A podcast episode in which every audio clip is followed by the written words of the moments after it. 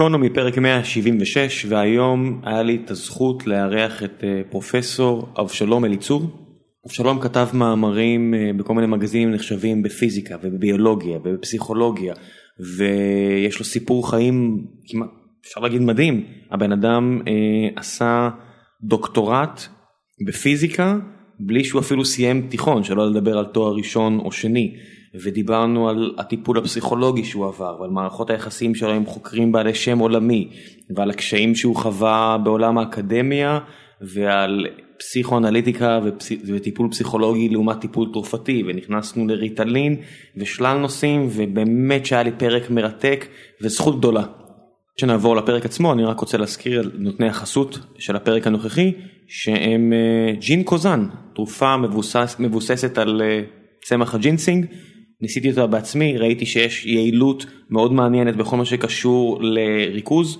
זה לא אגרסיבי כמו ריטלין זה לא אה, יכול להחליף כל מיני טיפולים אחרים אבל זיהיתי בעצמי אה, תופעה מאוד מאוד נחמדה אה, חיובית מאוד בעיניי. תנסו אה, למאזיני הפרק יש אה, הנחה של 20 שקלים בעת הרכישה אני אשים לינק אה, שתוכלו למצוא את זה ואם לא אז פשוט בסופר פארמים הקרובים לביתכם ונותן חסות נוסף שיש לפרק הנוכחי היא חברת אתרה שמתעסקת ב big data ומחפשת מפתחי full stack engineers עם ידע ב Azure, חברת הפיתוח של מייקרוסופט וב machine learning front end back end חבר'ה מחפשים אנשים טובים יושבים ברוטשילד חברה בצמיחה. אני אשאיר לכם עוד פרטים עליה, השאירו עליי רושם נהדר החבר'ה האלה, דברו איתם אם אתם מחפשים עבודה או אם אתם רק רוצים לשקול את uh, המשך הקריירה שלכם ובא לכם לשמוע על דברים טיפה שונים, או בא לכם פשוט להתעסק עם uh, כמויות עצומות של דאטה, אז אלה החבר'ה שיכולים אולי לעניין אתכם. ולפני שנתחיל את הפרק אני רק רוצה לציין שאבשלום מעביר uh, הרצאות במסגרת פאנזיג, uh, החברה שכבר נתן, שנתנה לנו חסות בעבר. הם מארחים הרצאות בכל מיני ברים ופאבים ברחבי הארץ ואבשלום עובד גם איתם אז אני אשאיר לכם פרטים גם על לגביהם וגם איפה בעצם תוכלו למצוא את ההרצאות האלה של אבשלום ואפילו הנחה למאזיני הפרק אז אם הפרק הזה יעניין אתכם כמו שאני מקווה שהוא יעניין אתכם תוכלו להמשיך ולשמוע עוד מאבשלום גם אין פרסן. ועכשיו בלי לבזבז עוד מזמנכם גיקונומי 176 תהנו.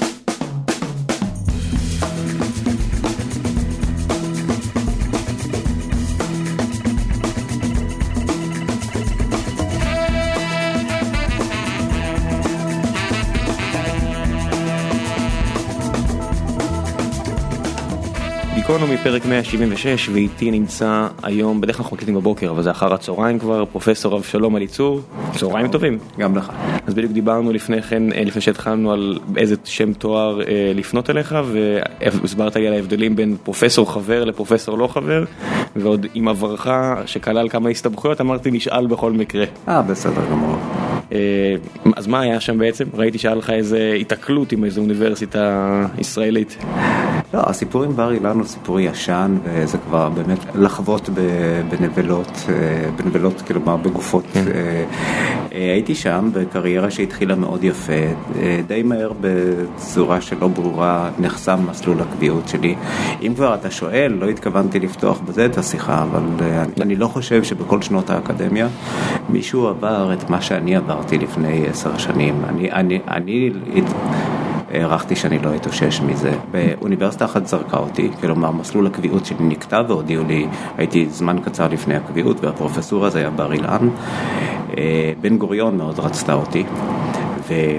וכבר היינו ממש רגע לפני חתימת ההסכם, ואז הרצאה שנתתי שם קמה איזה פרופסורית, שעד היום אני לא יודע איך היא נראית, שלחה עליי מייל קטלני, זאת אומרת שלחה אליי כביכול מייל עם BCC, עם עותקים, עם עותקים סמויים לחצי האוניברסיטה, איך אני לא מתבייש להשפיל את עצמי ולהראות את בורותי ברבים והכל. רגע, רגע, רגע, אנחנו מדברים על פיזיקה? לא, אם כבר, הרי בבר אילן ישבתי בשני כובעים, גם כפיזיקאי וגם כמרצה לפסיכולוגיה. נכון. זה היה נהדר. ואז בשני שלבים נחתכה הקביעות שלי שם, ואנשים אמרו זה לא מקרה, אז אם, אם גם במדעים הוא לא טוב, גם בפסיכולוגיה הוא לא טוב, כנראה שזה לא מקרה.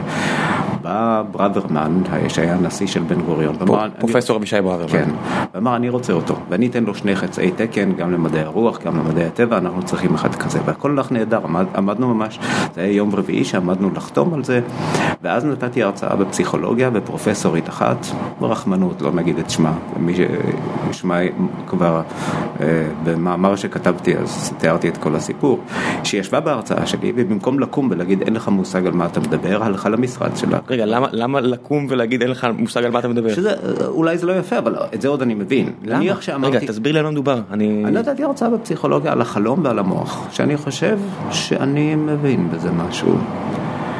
וישבה אותה אישה שחשבה שאני מדבר שטויות.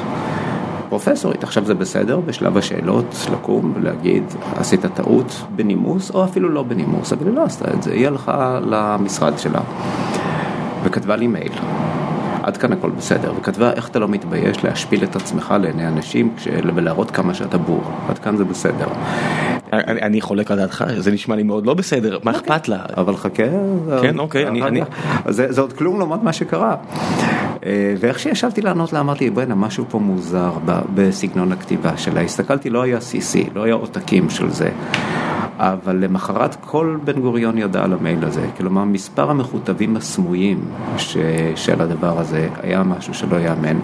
ברור לך שתוך יומיים גם בטכניון, גם באוניברסיטה העברית, ידעו שלא רק שאליצור עף מבר אילן, אלא שבמזל פרופסורית אחת גילתה שהוא שרלטן, כי עמדו לקבל אותו בבן גוריון. אני הערכתי שמזה אני לא אצא, אני מספר לך משהו שהיה לפני יותר מעשר שנים, כי אה, זה היה מצב שכאילו אנשים יגידו אין עשן בלי אש. אה, וחשבתי מה עושים, זה הסוף של דרכי באקדמיה. אה, בחור צעיר שעוד לא מלאו לו 20, הוא זה שעשה את השינוי בלי, בלי, בלי להבין אפילו מה הוא עושה. הוא הזמין אותי לפורום של סטודנטים בבן גוריון. אני, המחשבה להגיע לבן גוריון, למקום שפתח לפניי את, את זרועותיו ופתאום סגר אותם בעקבות מייל של אישה שעד היום אני לא יודע איך היא נראית, כי היא לא שמה את התמונה שלה באתר שלה. היה לי נורא קשה, אבל הנה סטודנטים מבקשים שתבואו. ואתה יודע, לא סיפרתי את זה לאף אחד, אני מספר את זה עכשיו פעם ראשונה. אה, כמה זמן לפני שהייתה, והיה לי נורא קשה, אבל אמרתי, אני הולך לבן גוריון, סטודנטים רוצים לשמוע אותי. ואז הוא שאל אותי שאלה ואמר, אבשלום, מה תעשה אם אורה קופמן תבוא להרצאה שלך? שזו אותה פרופסורית שכתבה נגדך? כן. ואני גרתי אז בקומה עליונה בבניין רב קומות. אני חושב שכל הבניין רעד מהשאגה שנתתי. שתבוא הבת, לא חשוב. ופתאום אמרתי, בוא'נה, לא מספיק מה שקרה לי, אני צריך גם לפחד ממנה שכשאני נותן הרצאה לסטודנטים, אה, אני, אני עוד אפחד שהיא תבוא ותשלח עוד בכתב, ושלא יהיה לך ספק. אני אומר לך את זה כמישהו שמבין קצת בבני אדם. היא הייתה עושה את זה. אנשים שעשו מעשה נבלה ורואים שמישהו יתאושש מזה, הם יעשו לו וידוא הריגה. יצא לי לברר קצת על הגברת הזאת. ואמרתי, אני לא יכול יותר. אני לא עשיתי רע לאף אחד. לא עשיתי רע לא לבר אילן, לא לאבי שגיא, לא לנוח עפרון, לא לרקטור המתועב שלהם, לא לנשיא הגנב שלהם, ולא לקופמנית הזאת. אני יושב עכשיו, פעם ולתמיד, ואני כותב את כל הסיפור, מה קרה לי. חברים שלי אמרו, אוקיי. 300 אלף שקל בלי הוכחת נזק מאבי שגיא, עוד 300 אלף מנוח עפרון. אתה בעצם מדבר על תביעה אפשרית שהיית יכול להגיש. כן, שהם יכלו להגיש נגדי, כי כתבתי מאמר ברשת ותיארתי את כל מה שקרה לי. אנשים, שמות, מקומות, מיילים, שעה, הכל. כן, ישבה פה שרון שפור ואמרה, גם אם אמת דיברתי, זה לפעמים לא מספיק. אז אני אה, אמת דיברתי, ואנשים אמרו, זה הסוף שלך. כן, לפעמים היא אמרה, היא הסבירה לי שלפעמים זה לא מספיק, גם אם אתה אומר את האמת בארץ, עדיין אפשר לתבוע אותך. אז אני רוצה להגיד עכשיו לכל מי שעבר אי פעם עוול, תסתכלו עליי. לא הייתי עושה את זה, לא הייתי כאן היום. ישבתי וכתבתי את הדבר, והשתמשתי במילים שלא מקובלות באקדמיה, מילים קשות לפעמים, ואמרו, אוקיי, התביעות הדיבה בדרך אליך. ומה קרה? כלום. דממה. ופתאום טלפונים שהפסיקו לצלצל להם במשך חצי שנה, כי אנשים אמרו, אין עשן בלי אש, לא יכול להיות שהוא. אם אומרים שהוא שרלטן, כנראה שהוא שרלטן, פתאום התחילו לצלצל. פתאום הגיעה הזמנה לפרופסורה בגרנובל בצרפת, פתאום הגיעו הזמנות לכינוסים, פתאום התחילו לבוא גרנטים והכל. והאנשים האלה, שאני באמת עלובי נפש, אי אפשר לתאר, במקרים המעטים שיוצא לי לפגוש בהם, זה מחמיר הלב לראות את החיוורון הזה על הפנים, את הבריחה לצד השני של המסדרון או משהו. אתה יכול להבין מאיפה זה הגיע? אתה יודע, עד עכשיו לא אמרנו אפילו מה היה הנושא, כי אני, אני לפי, אתה יודע, דעתי מאוד ענייה בכל מה שקשור לתחומים בהם אתה מתעסק, אני קורא הרבה, אבל אני לא מן הסתם מכיר כמוך. ממה שאני רואה, לפחות בכל מה שנוגע לחקר המוח, אפילו הביולוגיה המעורבת, הידע שלנו הוא כל כך לא מוחלט, זה לא מתמטיקה הרי, איך בן אדם אחד יכול לקום על בן אדם אחר ולהגיד, אתה מדבר שטויות, בכזו ודאות. אתה יכול להסביר לי מאיפה זה מגיע?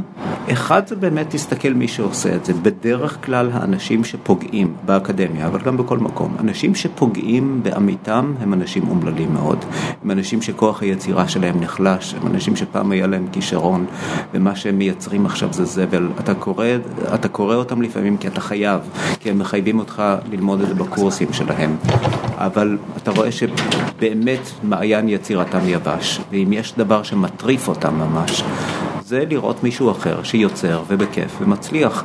אני, אני מדבר על קנאה, לא, אני לא חושב שיש הסבר אחר לדבר הזה.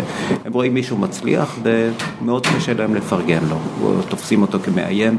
תראה, אה, אף אחד לא חייב להאמין לי, לכל סיפור, לכל ריב יש שני צדדים. וכשמישהו אומר לך עשו לי ככה וככה, אתה תמיד יודע שיש צד אחר. זה נשמע כאילו אם אני אשאל את הצד שלה, היא פשוט תגיד לי טענה אקדמית, היא פשוט תגיד, אני לא מסכימה עם התזה שלו. אבל ראם, זה בדיוק הסיפור. שאני כן. מדבר איתך על כשישה אנשים שפיהם הגדול נסתם לחלוטין, לא תצליח להוציא מהם מילה. אתה מוזמן לצלצל עכשיו לאחד לא, אני לא אעשה את זה כי אני מדבר לא, איתך. כן, אבל אתה מוזמן להזמין אותו לפה ותגיד, תגיד, מה אומר עליך ליצור שעשית לו ככה וככה? אם תצליח להוציא משהו מעבר לדממה הזאת, זה מה שהייתי אומר לשרון שפורר, שאני מאוד כן. מעריץ אותה ולכל אחד. עברת עוול מסוים, דע לך שהצד השני, כמה שהוא נראה חזק, יש חור בשריון שלו. תכניס, אם אתה באמת... באמת היית בסדר, תכניס את מה שצריך לחור הזה, תסובב ותציל את עצמך מזה, כי שם רע... דבק. באקדמיה דבק. ומאז שכתבתי את הדבר הזה, אה, אנשים... שחרר אותך אתה מרגיש? א', אה, נפשית, כן, כי אני הערכתי שכבר באקדמיה אף אחד לא ידבר איתי. אה, אני גם רוצה להגיד, היום קורבנות אונס יודעים את זה. נקמה היא דבר שפל, אבל לפעמים אם נעשה לך עוול גדול וזה פגע בך, לך תוציא את זה, תדאג שמי שעשה את זה תראה, ת, תסתכל לו בעיניים, זה מה שעשיתי בכל מיני פגישות, תן לו חיוך קטן, תראה איך הוא נעלם.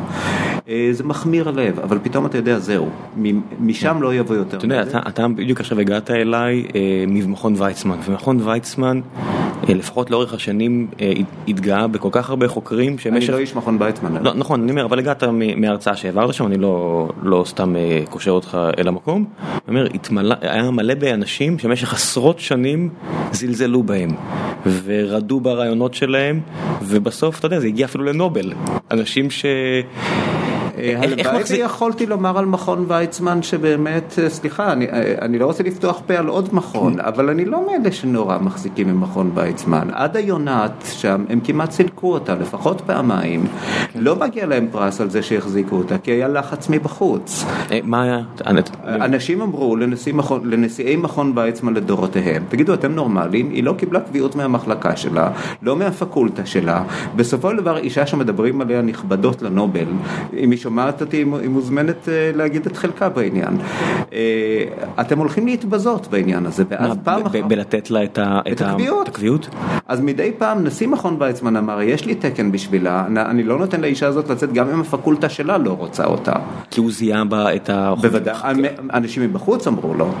כמה אנשים מכון ויצמן פלט שאחר כך קיבלו נובל בחו"ל? אין לו הרבה מה להתגאות בסיפור לא, הזה. זה בשבוע שבאתי להגיד, שגם במכון עצמו, גם בשאר המקומות באקדמיה, נראה שיש פה הרבה קטנוניות ואגו בתחומים שכל כך אה, קשה להכריע בהם מיידית. אחת הסיבות שהקמנו את מכון ER, אז אולי בואו נעשה פרסומת למכון שלנו. אין לנו רגולציה, תגיד איזה פרסומת שאתה רוצה.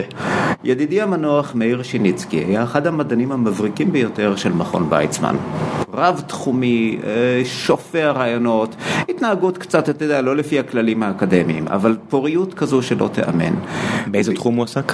בכמה תחומים, הוא היה גם פיזיקאי בין השאר, למרות שאתה יודע, הוא למד כימיה והיה בפקולטה למדעי החיים, אבל הסיפור שלו על מולקולות ימניות ושמאליות הלך נגד אחת האמיתות הידועות בפיזיקה על האדישות של הטבע כלפי ימין ושמאל והקשר בין ביולוגיה ופיזיקה וכך הלאה. מה ביקש הבן אדם? ידידי המנוח שעד היום, אתה יודע, עוד לא, אני, אני מתאבל עליו כבר שנתיים שהוא איננו וזה כאב מאוד גדול. הוא ביקש, אמר, אני פרופסור חבר ואני לפני הפרישה, אם אני יכול לקבל פרופסור מן המניין. הסתכל מכון ויצמן במאמרים שלו, שעל אחד מהם גם אני הייתי חתום, כי שיתפתי איתו פעולה. הוא אמר, אתה רוצה להיות פרופסור מן המניין? אנחנו לא מבינים איך קיבלת פרופסור חבר, אתה לא ראוי לזה. מי, מי אומר דברים כאלה? אתה אומר מכון ויצמן? יש, אתה יודע, יש מקומות שיש סנאט ויש מועצת הפרופסורים וכך הלאה וכך הלאה. מדען דגול שהיה שם הגיע בדרגה הלא מכובדת לגילו של פרופסור חבר, עשה מאמרים... רגע, אתה אומר לא מכובדת בסרקזם או שאתה באמת... לא, לא, לא, יש גיל שאתה רוצה להיות פרופסור מן המניין. זה, זה מדובר, אוקיי, שוב, אני מצטער... זה דרגה גבוהה יותר. אני מבין את זה, אני מצטער על בורותי פה, מדובר על, על, על הטבה סוציאלית, הטבה כספית. זה תוספת ללוקש, אבל תוספת גם בכלל, יש מעמד, כמו בצבא, דרגות, מה אתה יכול לעשות כפרופסור חבר, הזכויות שלך אחרי זה, הזכויות שלך להיקרא פרופסור אחרי הפרישה, להיקרא פרופסור אמריטוס עם כל מיני זכויות. זה משפיע על הקריירה האקדמית שלך גם? שאתה שולח לאיזשהו מגזין נחשב בחו"ל? שם פחות, אבל כיום אנשים מסתכלים גם באתר שלך ויודעים מה, מה דרגתך ומה מצבך וכך הלאה.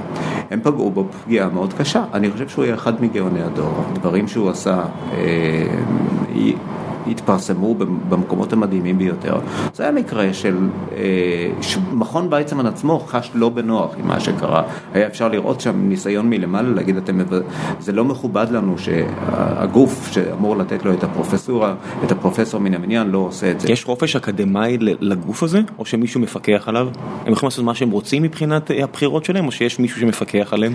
יש מעט מאוד שקיפות. בשנים האחרונות הגופים האלה חייבים לדווח לציבור. תמיד הם טענו שאנחנו לא רוצים שידעו מה שקורה כדי שלא ישפיעו עלינו. ואז טענה הייתה, זה דבר, דווקא דבר שקרה בבר אילן, טענה הייתה שתחת החשאיות הזאת אתם יכולים לסגור כל מיני דילים, לעשות כל מיני נבלות. היה פסק דין תקדימי, שאני לא זוכר אותו כרגע, שחייב את בר אילן אה, אה, להפעיל שקיפות גם על הדיונים האקדמיים שלהם לדרגה והכל, במידת, במידת צורך פה ושם לכסות. כי בסך הכל זה מוסד ציבורי שמקבל את הכסף מהציבור.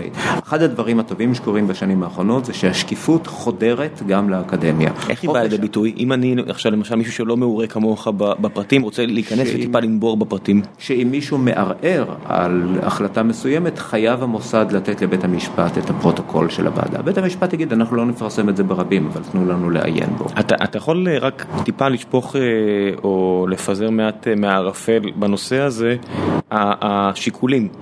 אתה, אתה מדבר על מישהו שהוא לא נמצא באקדמיה הישראלית. לי יש מנוי באוניברסיטה האמריקאית, צ'פן יוניברסיטי בקליפורניה, תודה לאל, אני משוחרר מכל... אז הנה, אז אתה, אתה יכול באמת האורח שיכול לסייע לי מהבחינה הזו. מה, מה בעצם השיקולים של אנשים, מה זה קליקות של חברים, זה קליקות אה, מדעיות, זה, זה גזע, זה מין, מה, מה מעורב פה בשיקולים האלה?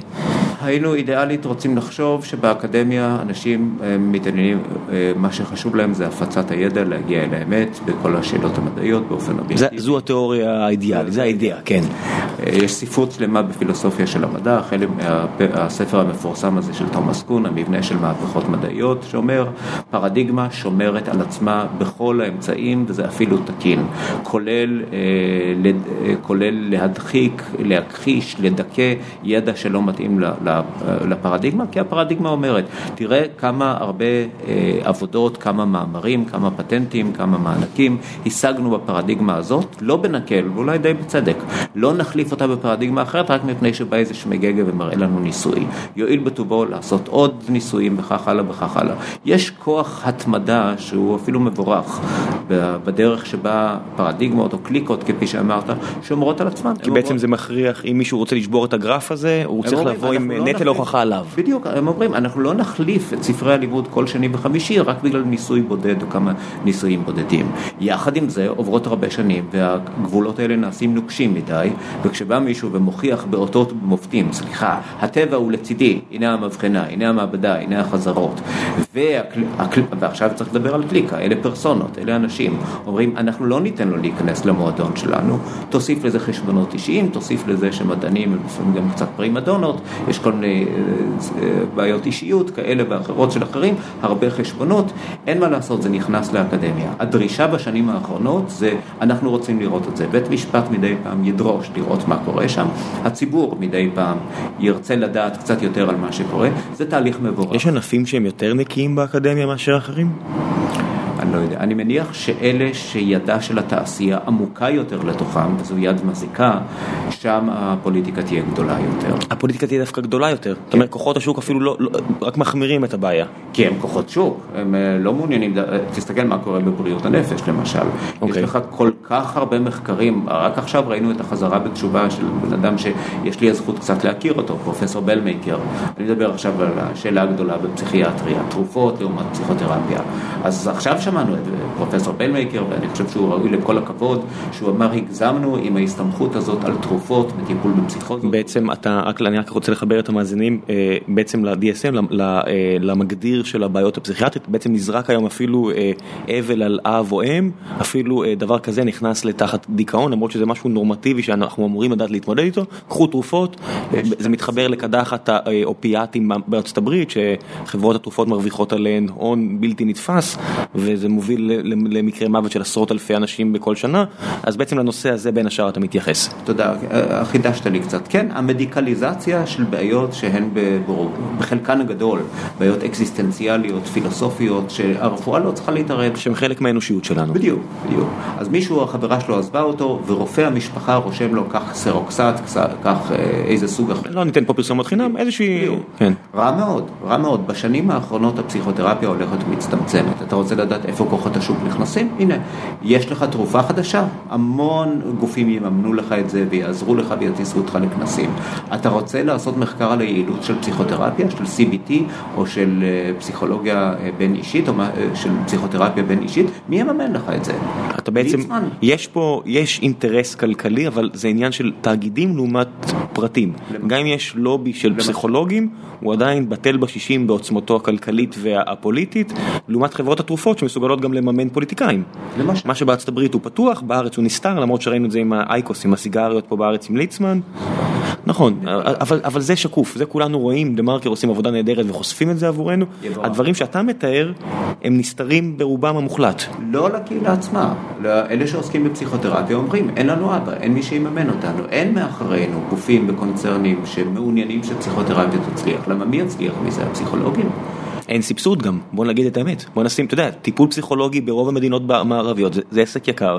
אף, וקופות החולים לבחורה שעברה אונס, כמה, כמה פגישות עם פסיכולוג ייתנו לה? 20 או משהו כזה? 20 זה גם אם, אם, אני לא רוצה לפגוע באף אחד, אבל זה אם אה, את אשכנזייה לבנה, אם את ערבייה אתיופית אז יש לך אולי עשרה או חמישה מטפלים, אה, משהו ששמעתי אצל אצלי אברהם שהתעסקה בזה, שיש בסך הכל חמישה מטפלים אה, אתיופים בכל ישראל, אז אם אתה רוצה מישהו שמבין ללבך או מכיר את הרקע שאתה ממנו אתה מגיע, אין. ממש כך. אז בעניין הזה הקשר הון, שלטון, אקדמיה הוא קשר שצריך כבר להתחיל להיכנס אליו, לפורר אותו, לפרק אותו, לה- לה- להכניס יותר אוויר לאקדמיה, אה, יותר אור השמש. בואו נחזור לנמל הבית שלי, לפיזיקה. כן. יש תחום בפיזיקה. למרות שאתה יודע, כשאני קורא את הקורות חיים שלך להגיד, אתה יודע- אתה מה, בוא ניתן לי לשאול, לפני שאתה עובר לפיזיקה, אני רוצה לשאול אותך ככה. אני עכשיו קורא אה, ספר על פרדי, והוא אה, תיאר את הכל, בגלל שהידע המתמטי שלו היה קצת אה, אה, לוקה בחסר, אז הוא תיאר הכל במונחים של שדות כוח. ואני מבין את זה, כל אחד מדבר בשפה שהוא מכיר, עולם הדימויים שלו מגיע מהתחום שלו, אני מסתכל על הקורות חיים שלך, ואתה התעסקת ביהדות, בביולוגיה, בפיזיקה, בפסיכולוגיה, אה, אתה שולח אפילו את ידך לפוליטיקה ארגונית, כשאתה חושב, במתמטיקה מן הסתם, כשאתה חושב, באיזה שפה אתה חושב?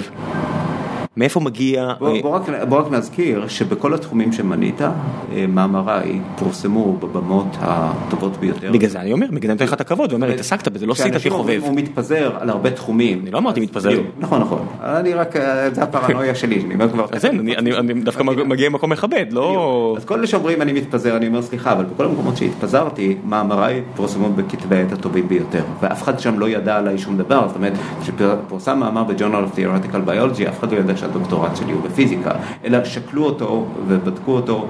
אה, רעיון תיאורטי. בדיוק, בדיוק. כמו שצריך. בדיוק. אני לא מבין, ליאונרדו דה וינצ'י, מישהו אמר עליו שהוא מתפזר? אה, כן. אני לא, אני לא נתלה פה באילנות גבוהים, פשוט בעיקרון הזה של אם אתה רוצה להתעסק בזה ולא להתעסק במשהו אחר, אז למה לא?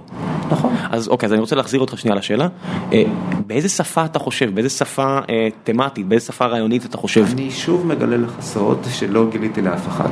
אני נפתח פה למשהו. שנים הסתרתי את זה, ועכשיו הגיע הזמן לספר. פיזיקאי צריך לדעת טוב מתמטיקה.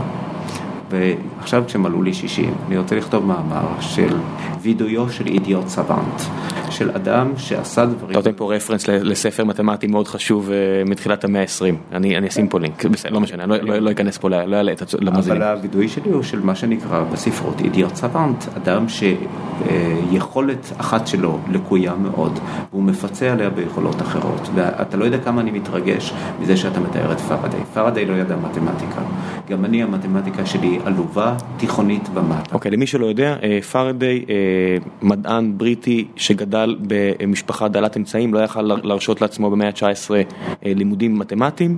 הוא לא, הוא לא יכול להרשות לעצמו שום לימודים, נכון. הוא עזב את בית הספר בגיל 11. כן. אני אומר שאני עזבתי בגיל 16, אבל הבן אדם הזה עזב בגיל 11, עד סוף חייו הוא עשה לפעמים שגיאות באנגלית, מתמטיקה כן. הוא לא ידע. והאינטואיציה שלו הייתה אה, כמעט קסומה. למי שרואה את זה מהצד, אני, אתה יודע, כמי שבור ועם הארץ יחסית, זה, זה נראה כמעט כמו קסם. זה כמו לראות את, את המשוואות של מקסוול, וזה כמו לראות את גלואה, זה כאילו באמת השכינה נגעה לו במצח, והוא תיאר את, ה, את השדות כוח האלה, אני אשים לינק למי שרוצה קצת להתעמק בזה, אבל זה באמת, אתה, כקורא תמים, אני אומר, זה, זה לא נתפס, האינטואיציה הזו, בלי המתמטיקה. כי הרבה פעמים המתמטיקה מכתיבה פיזיקה, אתה, אתה יודע את זה יותר טוב ממני. אז איך, איך, אתה, איך אתה חושב בלי המתמטיקה? אתה לא יודע כמה אני מתרגש כשאתה אומר את זה. פרדיי היה דוגמה יחידה במינה בתולדות הפיזיקה, שעשה את כל הפיזיקה שלו בתמונות. אנשים לעגו לו, אמרו, תראה, הוא בא, הוא בא ממשפחת איכרים. מה זה השדה הזה, הישות הרוחנית הזאת? ניוטון, בפיזיקה הניוטונית אין, אין שום מושג כזה של שדה. עכשיו הוא בא ומתאר שדה וקווי שדה. זה איזה פלאח, איזה עיקר שבא ונכנס לפיזיקה וממלא אותה במושגים רוחניים משונים. מאוד. מאוחר יותר יבואו אנשים וייתנו ביטוי מתמטי לשדה הזה. אני כל חיי חשבתי בצורה תמונתית. העבודות הגדולות שלי הן תמיד קולבורציות, שיתופי פעולה עם מישהו שהיה יכול לתרגם את החשיבה התמונתית שלי לשפת המתמטיקה. אז זה או המורים שלי או התלמידים שלי כיום שיכולים לעשות. אספר לך משהו על פרדיי שמעטים מאוד מאוד יודעים ואני חושב שהוא מאוד חשוב. פרדיי בסוף ימיו לקה באיזו צורה של דמנציה, אולי אלצהיימר, משהו כזה, אבל הוא הלך ודעך, ואשתו לא הרשתה לו אה, לצאת מהבית, היא שמרה עליו, במין זקנה מכובדת. באו אליו מהחברה המלכותית ואמרו שמישהו שהיה צריך לתת את ההרצאה השבועית בפורום שהוא היה מרצה בו, לא יכול לתת את ההרצאה, האם אתה יכול לתת איזה הרצאה במקום? ופרדיי שכבר היה בתוך השקיעה, בתוך הדעיכה המנטלית שלו, התאמץ ונתן את אחת ההרצאות המדהימות ביותר של חייו, ועשה את הקפיצה בהבנת החשמל והמגנטיות, שתאפשר למקסוול, לגאון הצעיר שכבר חי באותו זמן, לעשות את הקפיצה הבאה. למה אני אומר את זה? בפיזיקה מקובל, בפיזיקה ומתמטיקה, שאנשים מגיעים לשיא שלהם בסביבות גיל ה-30, ומשם הם צריכים לשמר. בגלל זה הרבה מהפרסים גם מוגבלים לעבודה עד גיל 35 וכו' וכו'. אז אני כבר בגיל גריאטרי, כפי שאתה מבין. כן, היו, היו דוגמאות אה, לפני כן, פאול ארדוש שתרם בגיל 60 פלוס וכל מיני כאלה. המנחה שלי, אקירה אהרונוב, שהוא בן 85 ומתיש את כולנו ברעיונות שהם מדהימים שלא היה כמותם. אני חושב שאחת הסיבות לזה, זה אי ההסתמכות הבלבדית, במקרה שלי כמעט אי הסתמכות בכלל, על החשיבה המתמטית. אני צריך כל דבר, כמו בולדוג שמרסק עצם ביסודיות, אני צריך ללעוס וללעוס וללעוס עד שזה יהיה ברור לי בצורה התמונתית, זה לוקח לי. אבל כשזה יושב שם, זה יושב, ואני מאמין שזו צורה של חשיבה שחסינה מחולשת הגיל. זאת אומרת, החולש... היכולת המתמטית יכולה להיחלש, ושוב, לא אצל אנשים כמו אצל ארדש, היכולת התמונתית, האינטואיטיבית. ארדש גם לקח ספידים בשביל להחזיק את זה, אתה יודע, כן. אתה רואה בביוגרפיה שלו שגם אצלו היה, כן. מרכיבים אה, כימיקליים שהחזיקו אותו בגיל הזה. נכון. בוא נשים את זה, אתה יודע, המוח האנושי קמל עם הזמן, זה, זו האמת. צודק. אני חושב שהוא הרבה פחות קמל בחשיבה האינטואיטיבית, בחשיבה התמונתית. הציורית. כן. ואני... אולי הוא אפילו משתנה לטובה, אנחנו לא יודעים. אני מאוד מקווה שזה כך, כי המאמרים הכי טובים שלי מהשנה האחרונה. 2017 או 2000. אדוני כתב ניסוי חשוב מאוד לפני 20 שנה, אתה רוצה שזה... קודם כל ככה, אני צריך להגיד על ניסוי אליצור ויידמן, זו דוגמה מצוינת, שעם אפס מתמטיקה, אני זוכר, זה היה יום חמישי, אני לא אשכח את זה, אני הייתי חדש בפיזיקה, הייתי בן 30 בערך, כשבכלל התחלתי לקרוא את ספרי הפיזיקה הראשונים שלי, זאת אומרת כבר זקן מופלג מבחינת להיות תלמיד. ויום אחד שאלתי את עצמי שאלה על הניסוי המפורסם של פוטון שעובר בשני כיוונים, שאלה אין יותר פשוטה ממנה, אתה תבין אותה. פוטון, חלקיק אור, אה, כן. הכוון של האור. אז אני שם שני גלאים, או אני נוזל לעבור דרך שני, שני, שתי מראות כאלה, ואז הוא חוזר ופוגש את עצמו, כי על פי תורת הקוונטים הוא יכול לעבור בשני כיוונים. והיה ידוע שאם תשים שני גלאים עדינים שלא יבלעו אותו, אלא רק יאמרו לך אם הוא עבר מימין או משמאל, אתה תהרוס את ההתהפכות שלו. עכשיו אתה מדבר על משהו שהוא תיאורטי. אה, ממש לא. לא, היה צריך, שאתה עשית את זה, זה היה ניסוי תיאורטי, לקח הרבה זמן עד שמישהו בנה באמת אה, ניסוי...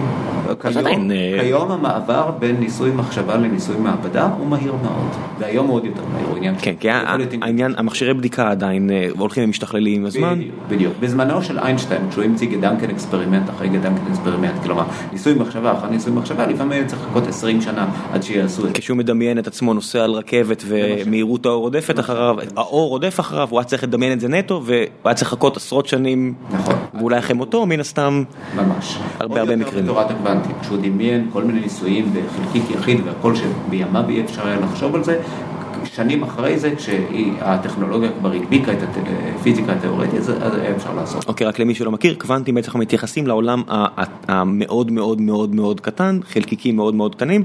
הבעיה הגדולה היא שציוד המדידה צריך להיות מאוד מאוד רגיש, ולפעמים אין לנו את הטכנולוגיה הזו, אז אנחנו בעצם נשארים עם ניסויים רעיוניים בלבד, כמו אותו ניסוי שאתה הגית. בדיוק, אז זה ניסוי שאיינשטיין ובור ניגחו זה את זה. גדולי המאה ה-20, כן. כן, ניגחו זה את זה במשך חמש שנים, תאר לך שאני אשים שני גלאים כל כך עדינים שלא יבלעו את הפוטון, אבל יגידו לי אם הוא עבר מימין או משמאל. ואז איינשטיין הובס, בא אל הבור ואמר אם תשים שני גלאים, למרות שהם לא יבלעו את הפוטון, אתה תהרוס את ההתהפכות. כי הטבע אומר או שתדע מאיזה צד הוא עבר, או שתדע מאיזה צד הוא יוצא. ככה, זה, זה הטבע, זה מה שהמתמטיקה מכתיבה, או זה או זה. זה הטבע. יום חמישי אחד, ואני כולה בן 31 אולי, ואני אומר, מה יקרה אם במקום שני גלאים אני אשים רק גלאי אחד? במקום גלאי מימין וגלאי משמאל, אני אשים רק גלאי אחד מימין. אתה מבין שלא צריך שום מתמטיקה בשביל זה. ומיד המחשבה שלי באותו יום, באותו יום חמישי אחר הצהריים הייתה, לא, לא יכול להיות. 70 שנה אנשים מתעסקים בזה. פיינמן במשך סמסטרים, שנים, נכנס לחדר הרצאות עם הסיפור שלו, קליק, קליק, קליק, קליק, שמתי שני גלאים. לא עלה בדעתו להוריד גלאי אחד, ואמרתי, די, אני, לא ייתכן. ומצד שני, לא היה אז אינטרנט, אני מדבר על 92 או משהו כזה, לא היה אינטרנט, ומה עושים? אני, אני, אני חייב לחשוב על זה. כל אותו סוף שבוע חשבתי מה קורה כשבמקום שני גלאים אתה שם גלאי אחד. השאר הוא היסטוריה, רגע, זה מתמטיקה. אז בעצם אתה אומר, אתה אם אנחנו נשים אה, גלאי אחד במקום שניים, בעצם אתה אומר אז יהיה אי ודאות, אבל האי ודאות גם אומרת לנו משהו. יקרה דבר מאוד מעניין, שאם הגלאי יעשה קליק, אז הרסת את ההתהפכות. אם הגלאי לא יעשה קליק, גם הרסת את ההתהפכות. כי בעצם קיבלת את התשובה, קיבלת את התשובה כי הוא לא היה בצד א'. כי הוא היה יכול, כי אם הפוטון היה יכול, אתה רוצה להבין את תורת הקוונטים ברגל אחת, הנה, אם לסבתא היו גלגלים היא הייתה נוסעת, ביידיש זה נשמע יותר טוב. מה, מה ההבדל בין תורת הקוונטים למכניקה הקלאסית? במכניקה הקלאסית אתה אומר, לא מעניין אותי האם, אין לה גלגלים, היא לא נוסעת, לך מפה. זה מה ש... זה ניוטון. בדיוק. שרדינגר יגיד, אם קיימת אפשרות שלסבתא היו גלגלים ואין לה גלגלים, היא לפעמים תשיג את הפורד איזה פורד יש למשטרה, את הפורד אריקה של המשטרה במרוץ כזה. סבתא ללא גלגלים בתורת הקוונטים, רק בגלל העובדה שיכלו להיות לה גלגלים, היא יכולה להשיג ניידת משטרה. זה הדרך שאני הייתי מסכים. בהסתברות נורא נורא נורא קטנה, אבל היא גדולה. שאתה יכול להגדיל אותה. היא גדולה מאפס. איש בשם ציילינגר, אני, בסיפור הפצצה, ציילינגר זה הבן אדם שבעצם מימש את הניסוי שעשית, וסיפור הפצצה זה בעצם מתן את האנלוגיה מהעולם האמיתי לאותו ניסוי. בדיוק. הפצצה יכלה להתפוצץ, אז בעולם הקלאסי, אתה אומר הפצצה לא התפוצצה, חלאס, הפוטון לא עבר משם, אין מה לדבר, לא מעניין אותי, מה היה אילו. בתורת הקוונטים, אתה אומר, הפצצה לא התפוצצה, הפוטון לא עבר מפה, אבל הפצצה יכלה להתפוצץ, והפוטון היה יכול לעבור מפה. די באים הזה כדי שעכשיו, מאיפה שהפוטון יצא, יהיה הבדל. בשעתו חשבנו שאתה יכול להציל שליש מהפצצות ככה, אז אני אזכיר לצופים במה מדובר. נניח מאזינים. בדיוק. שיש, סליחה, למאזינים. נניח שיש לך פצצה כל כך רגישה פוטון בודד שעובר לידה, אפילו לא פוגע בה, רק עובר לידה והיא מרגישה אותו, יגרום לה להתפוצץ. ועכשיו אתה בעל בית חרושת לפצצות, זה סיפור שהמצאתי וחלק נרטבו ואתה רוצה לדעת איזה טובה לא. ואיזה לא. אז הפועל שלך אומר, אין בעיה, תביא פנס, זו לא טובה, זו לא טובה, בום, זו הייתה טובה וככה הלאה. ואתה אומר, לא, אני רוצה לדעת שהיא טובה, בלי לפוצץ אותה. אז הוא אומר, אבל רגע, ההגדרה של הפצצה זה האינטראקציה הכי חלשה שידועה לפיזיקה, תפוצץ אותה, תשכח מזה. זה למה ארבעה כתבי עת זרקו את המאמר שלי ושל ויידמן בלי לשפוט אותו אפילו. כי הם אמרו, אתם לא סותרים רק את חוקי הפיזיקה, אתם סותרים את חוקי הלוגיקה. יש כאן אם, והוא לא שייך. If and only if, פוטון אור מגיע לגלאי של הפצצה, ואם לא מגיע, אז בעצם אין לך מידע, יש לך אפס מידע על זהות הפצצה, ואתה בעצם הגעת ואמרת, לא. חתן פרס נובל בשם ארווין לזלו, ומזל שלא קראתי אותו באותו יום חמישי ובשבועות שאחרי זה, כי אני חושב שאז הייתי כבר משתתף. היה מרסק לך את הביטחון העצמי. הוא אמר, אין אפשרות להשיג יחידה אחת, זה, אני מדבר איתך כבר על יסודות הפיזיקה העיונית, אין אפשרות להשיג יחידה אחת של מידע בלי שתשלם לפחות בפוטון. והנה בא חוצפן אחד ואומר, סליחה, הפוטון שלי יצא מהמתקן הזה, והוא בכל זאת, בלי פגע, והוא אומר לך שהפצצה היא טובה בלי שהוא פוצץ אותה. אז זה מקרה שאם לסבתא היו גלגלים היא הייתה נוסעת, במקרה הזה, אם הפוטון היה עובר ליד הפצצה היא הייתה מתפוצצת. ההבדל בין ניוטון לבין אה, בין המכניקה הניוטונית לבין תורת הקוונטים, זה שמעצם האפשרות שהיא הייתה יכולה להתפוצץ, די בזה, למרות שהיא לא התפוצצה, שהפוטון ביציאתו החוצה יגיד, בואי הנה הייתה פה פצצה רגישה, שאם הייתי עובר שם, עכשיו היית שומע בום גדול. בא איש בשם ציילינגר ועשה את הניסוי, ואז... רגע, אז בוא נספר שנייה את העניין הזה. אתה חושב על הניסוי הזה, ואתה מגיש את זה למספר כתבי עת. ויש התרגשות ויש אכזבה ויש התרגשות ויש אכזבה וזה מה שכל אקדמאי מכיר ובסופו של דבר איך מגיעה לך הבשורה שמישהו הולך לממש את הניסוי הזה בפיזיקה אה, מעשית? אה, מהעיתונים. אה, כתב עת בשם Scientific American שהוא לא כתב עת מדעי, הוא כתב עת פופולרי. דיווח. רוג'ר פנברס שפגש אותי בדבלין, והייתי באירלנד באותו זמן, לגמרי במקרה פגשתי את רוג'ר פנברס, והוא אמר לי, אה, אתה אליצור, אתה הולך לככב בספר שלי. האיש, איש מאוקספורד, אחד הפיזיקאים. הוא לא טרח אפילו לדבר איתך לפני? לא, הוא קרא, הוא קרא, מה שקרה, אז לא היה אינטרנט, ובייטמן חרש על מכונת הצילום בקומה הרביעית בבניין כפלון. באוניברסיטת תל אביב, כן. ועשה אין ספור עותקים לזה ושלח בתפוצת נאט"ו לכל העולם ולאחותו. זה מה שהיה כשאין... חיפש, קנה בולים וחיפש מעטפות ושלח לכל מוסד אקדמאי שנחשב? ורובם זרקו את זה, אבל כמה אנשים מבריקים אמרו, רגע, יש כאן משהו מעניין. אחד מהם היה רוג'ר פנלוס, שכתב ספר שהוא רב מכר, The Emperor's New Mind, ושם אה, יום אחד מישהו אמר לי, בואי נראה, אתה בספר של פנלוס, ויותר מזה, על הכריכה האחורית, אוקספורד יוניברסיטי פרס כותבת, בספר הזה רוג'ר פנלוס אה, מסביר לקורא את התגליות הגדולות של העולם, את ניסוי EPR, איינשטיין פודולסקי רוזן, את החתול של שרדיגר. אוקיי, למי שלא מכיר, אה, EPR ניסוי שבעצם מדבר על מהות הזמן בעצמו. הניסוי של שרדינגר זה אה, הניסוי הכי, אה, בוא נגיד הכי קלישאתי שקשור למכניקת קוונטים, והניסוי שלך ברשימה רגע, לא, בוא תזכיר את הוכחת האי השלמות של גדל, כלומר... הגביע הקדוש של, אה, אתה יודע, של המתמטיקה. ואז ניסוי הפצצה של אליצור ויידמן, אני אומר נא לא להגזים, שמו אותנו בשורה כזאת. הספר הזה הוא עד היום רב מחיר היסטרי, כמו שיש בגדי המלך החדשים, The Emperor's New Mind. אה, ואז מתישהו לפני זה או אחרי זה, אני לא זוכר, אה, Scientific American פרסם מאמר שאפשר למצוא אותו ברשת, The Quantum Physics of Seeing in the Dark. הפיזיקה של לראות בחושך. ובו צייליגר אמר, הנה דבר מאוד רגיש, אם יפגע בו אפילו חלקיק בודד של אור, הוא ישתנה. אני יכול להגיד לכם איפה, אני יכול להגיד לכם מה הצורה שלו. עקב פוטונים שיכלו לפגוע בו, אבל לא פגעו, אבל חזרו וסיפרו לי שהם יכלו לפגוע בו. כי בעצם האינטואיציה פה, למי שעדיין לא, לא מצליח לעקוב, עצם העובדה שלא הלכת לאלף, אבל מצאנו אותך בבית, אומר שלא היית באלף בהסתברות כזו או אחרת, לא משנה עכשיו העניין המתמטי, אבל עצם העובדה שאתה בבית אומר שאתה לא באלף. אבל, כיוון שיכולת להיות באלף, אם יש שם באלף משהו, אני עכשיו יכול לדעת עליו. נכון. אני יכול לדעת פרטים. שהאינטואיציה הבסיסית הזאת, אתה יודע, וזה תמיד אני אומר, אמ, זה נשמע לאנשים, כמו שאתה אמרת, אתה, אתה אמרת, איך יכול להיות שכבר 70 שנה לא חושבים על זה? אתם צריכים להבין שהשדה האקדמאי והמתמטי והפיזיקלי והביולוגי מלא בסיפורים כאלה, ואתם יודעים מה, גם העסקי, אנחנו לוקחים דברים כמובן מאליו, כאמיתה לשם האמת, ו... כי אף אחד לא הפקפק בה. ואתה יודע, יש את, אה, את הבחור של קוואלקום, אנדרו ויטרבי, וישבתי באיזה הרצאה בתואר הראשון, והדגימו לי את השיטה שלו לבדיקת אה, שגיאות בתקשורת מחשבים.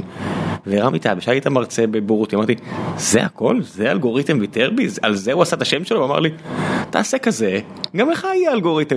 ורק עם השנים אני מבין איזו יהירות זו, לראות, אתה יודע, אינטואיציה לא צריכה להיות אה, גדולה לאחר מכן, היא צריכה להיות גדולה שהגו אותה. זה הזמן הנכון להגות אם אף אחד לא עשה אותה עד לנקודה הזו, זה הגאונות האמיתית, לא בדיעבד. רעיון טוב, רעיון מדהים, זה כמו הבעיה הכי מפורסמת הרי בעולם מדעי המחשב, NP ו-P. מה זה אומר? תיקח בעיה שחישובית, אנחנו לא מסוגלים אה, לבדוק איך, איך אה, למצוא את הפתרון, אבל אם אני אגיש לך את הפתרון, אתה מיד רואה שזה הפתרון. והרבה מהבעיות הגדולות הן בדיוק כאלה. אתה מגיע, אתה אומר, הנה הניסוי, ברגע שאתה מגיע, הרבה אנשים יכולים לשבת בבית שלנו ולהגיד, אה, לא חוכמה גדולה, אבל להגות את הניסוי הזה כשאף אחד אחר לא עושה את זה, זה באמת ההברקה. למי שלא מבין על מה אנחנו מדברים פה בעצם, גם אם זה נשמע לכם טריוויאלי. It's the simplest things that take your breath away. זה, זה הדבר הכי פשוט שלפעמים מגיע בך.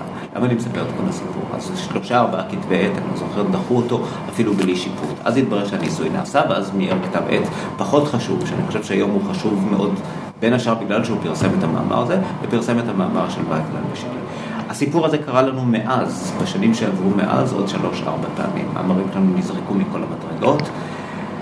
אחר כך חדרו, כי מישהו שפרסם איזה גרסה שהתבססה עליהם כן הצליח לחדור ל-Nature ול-Science ולכל המקומות האלה, כולם אמרו וואו, אה, מקרה שלי עם שחר דולב, פרדוקס השקרן הקוונטי, שעכשיו התפרסם בגרסה באמת מאוד מדהימה. עוד פעם סיפור, שלסבתא אין גלגלים, אבל כיוון שהיא סבתא קוונטית, והייתה אפשרות שתהיה לה גלגלים, והייתה אפשרות שלא יהיו לה גלגלים, בדקת ולסבתא אין גלגלים, העובדה שיכלו להיות גל... לגלגלים פתאום יוצרת משהו מדהים. זה גורם לך להאמין בצדקת דרכך גם אם אין הרבה הוכחות? עצם העובדה שצדקת בעבר וחשבו שטעית, זה יכול לגרום לך לאיזשהו מסלול של אה, כן. ביטחון עצמי אה, שלא לצורך אולי?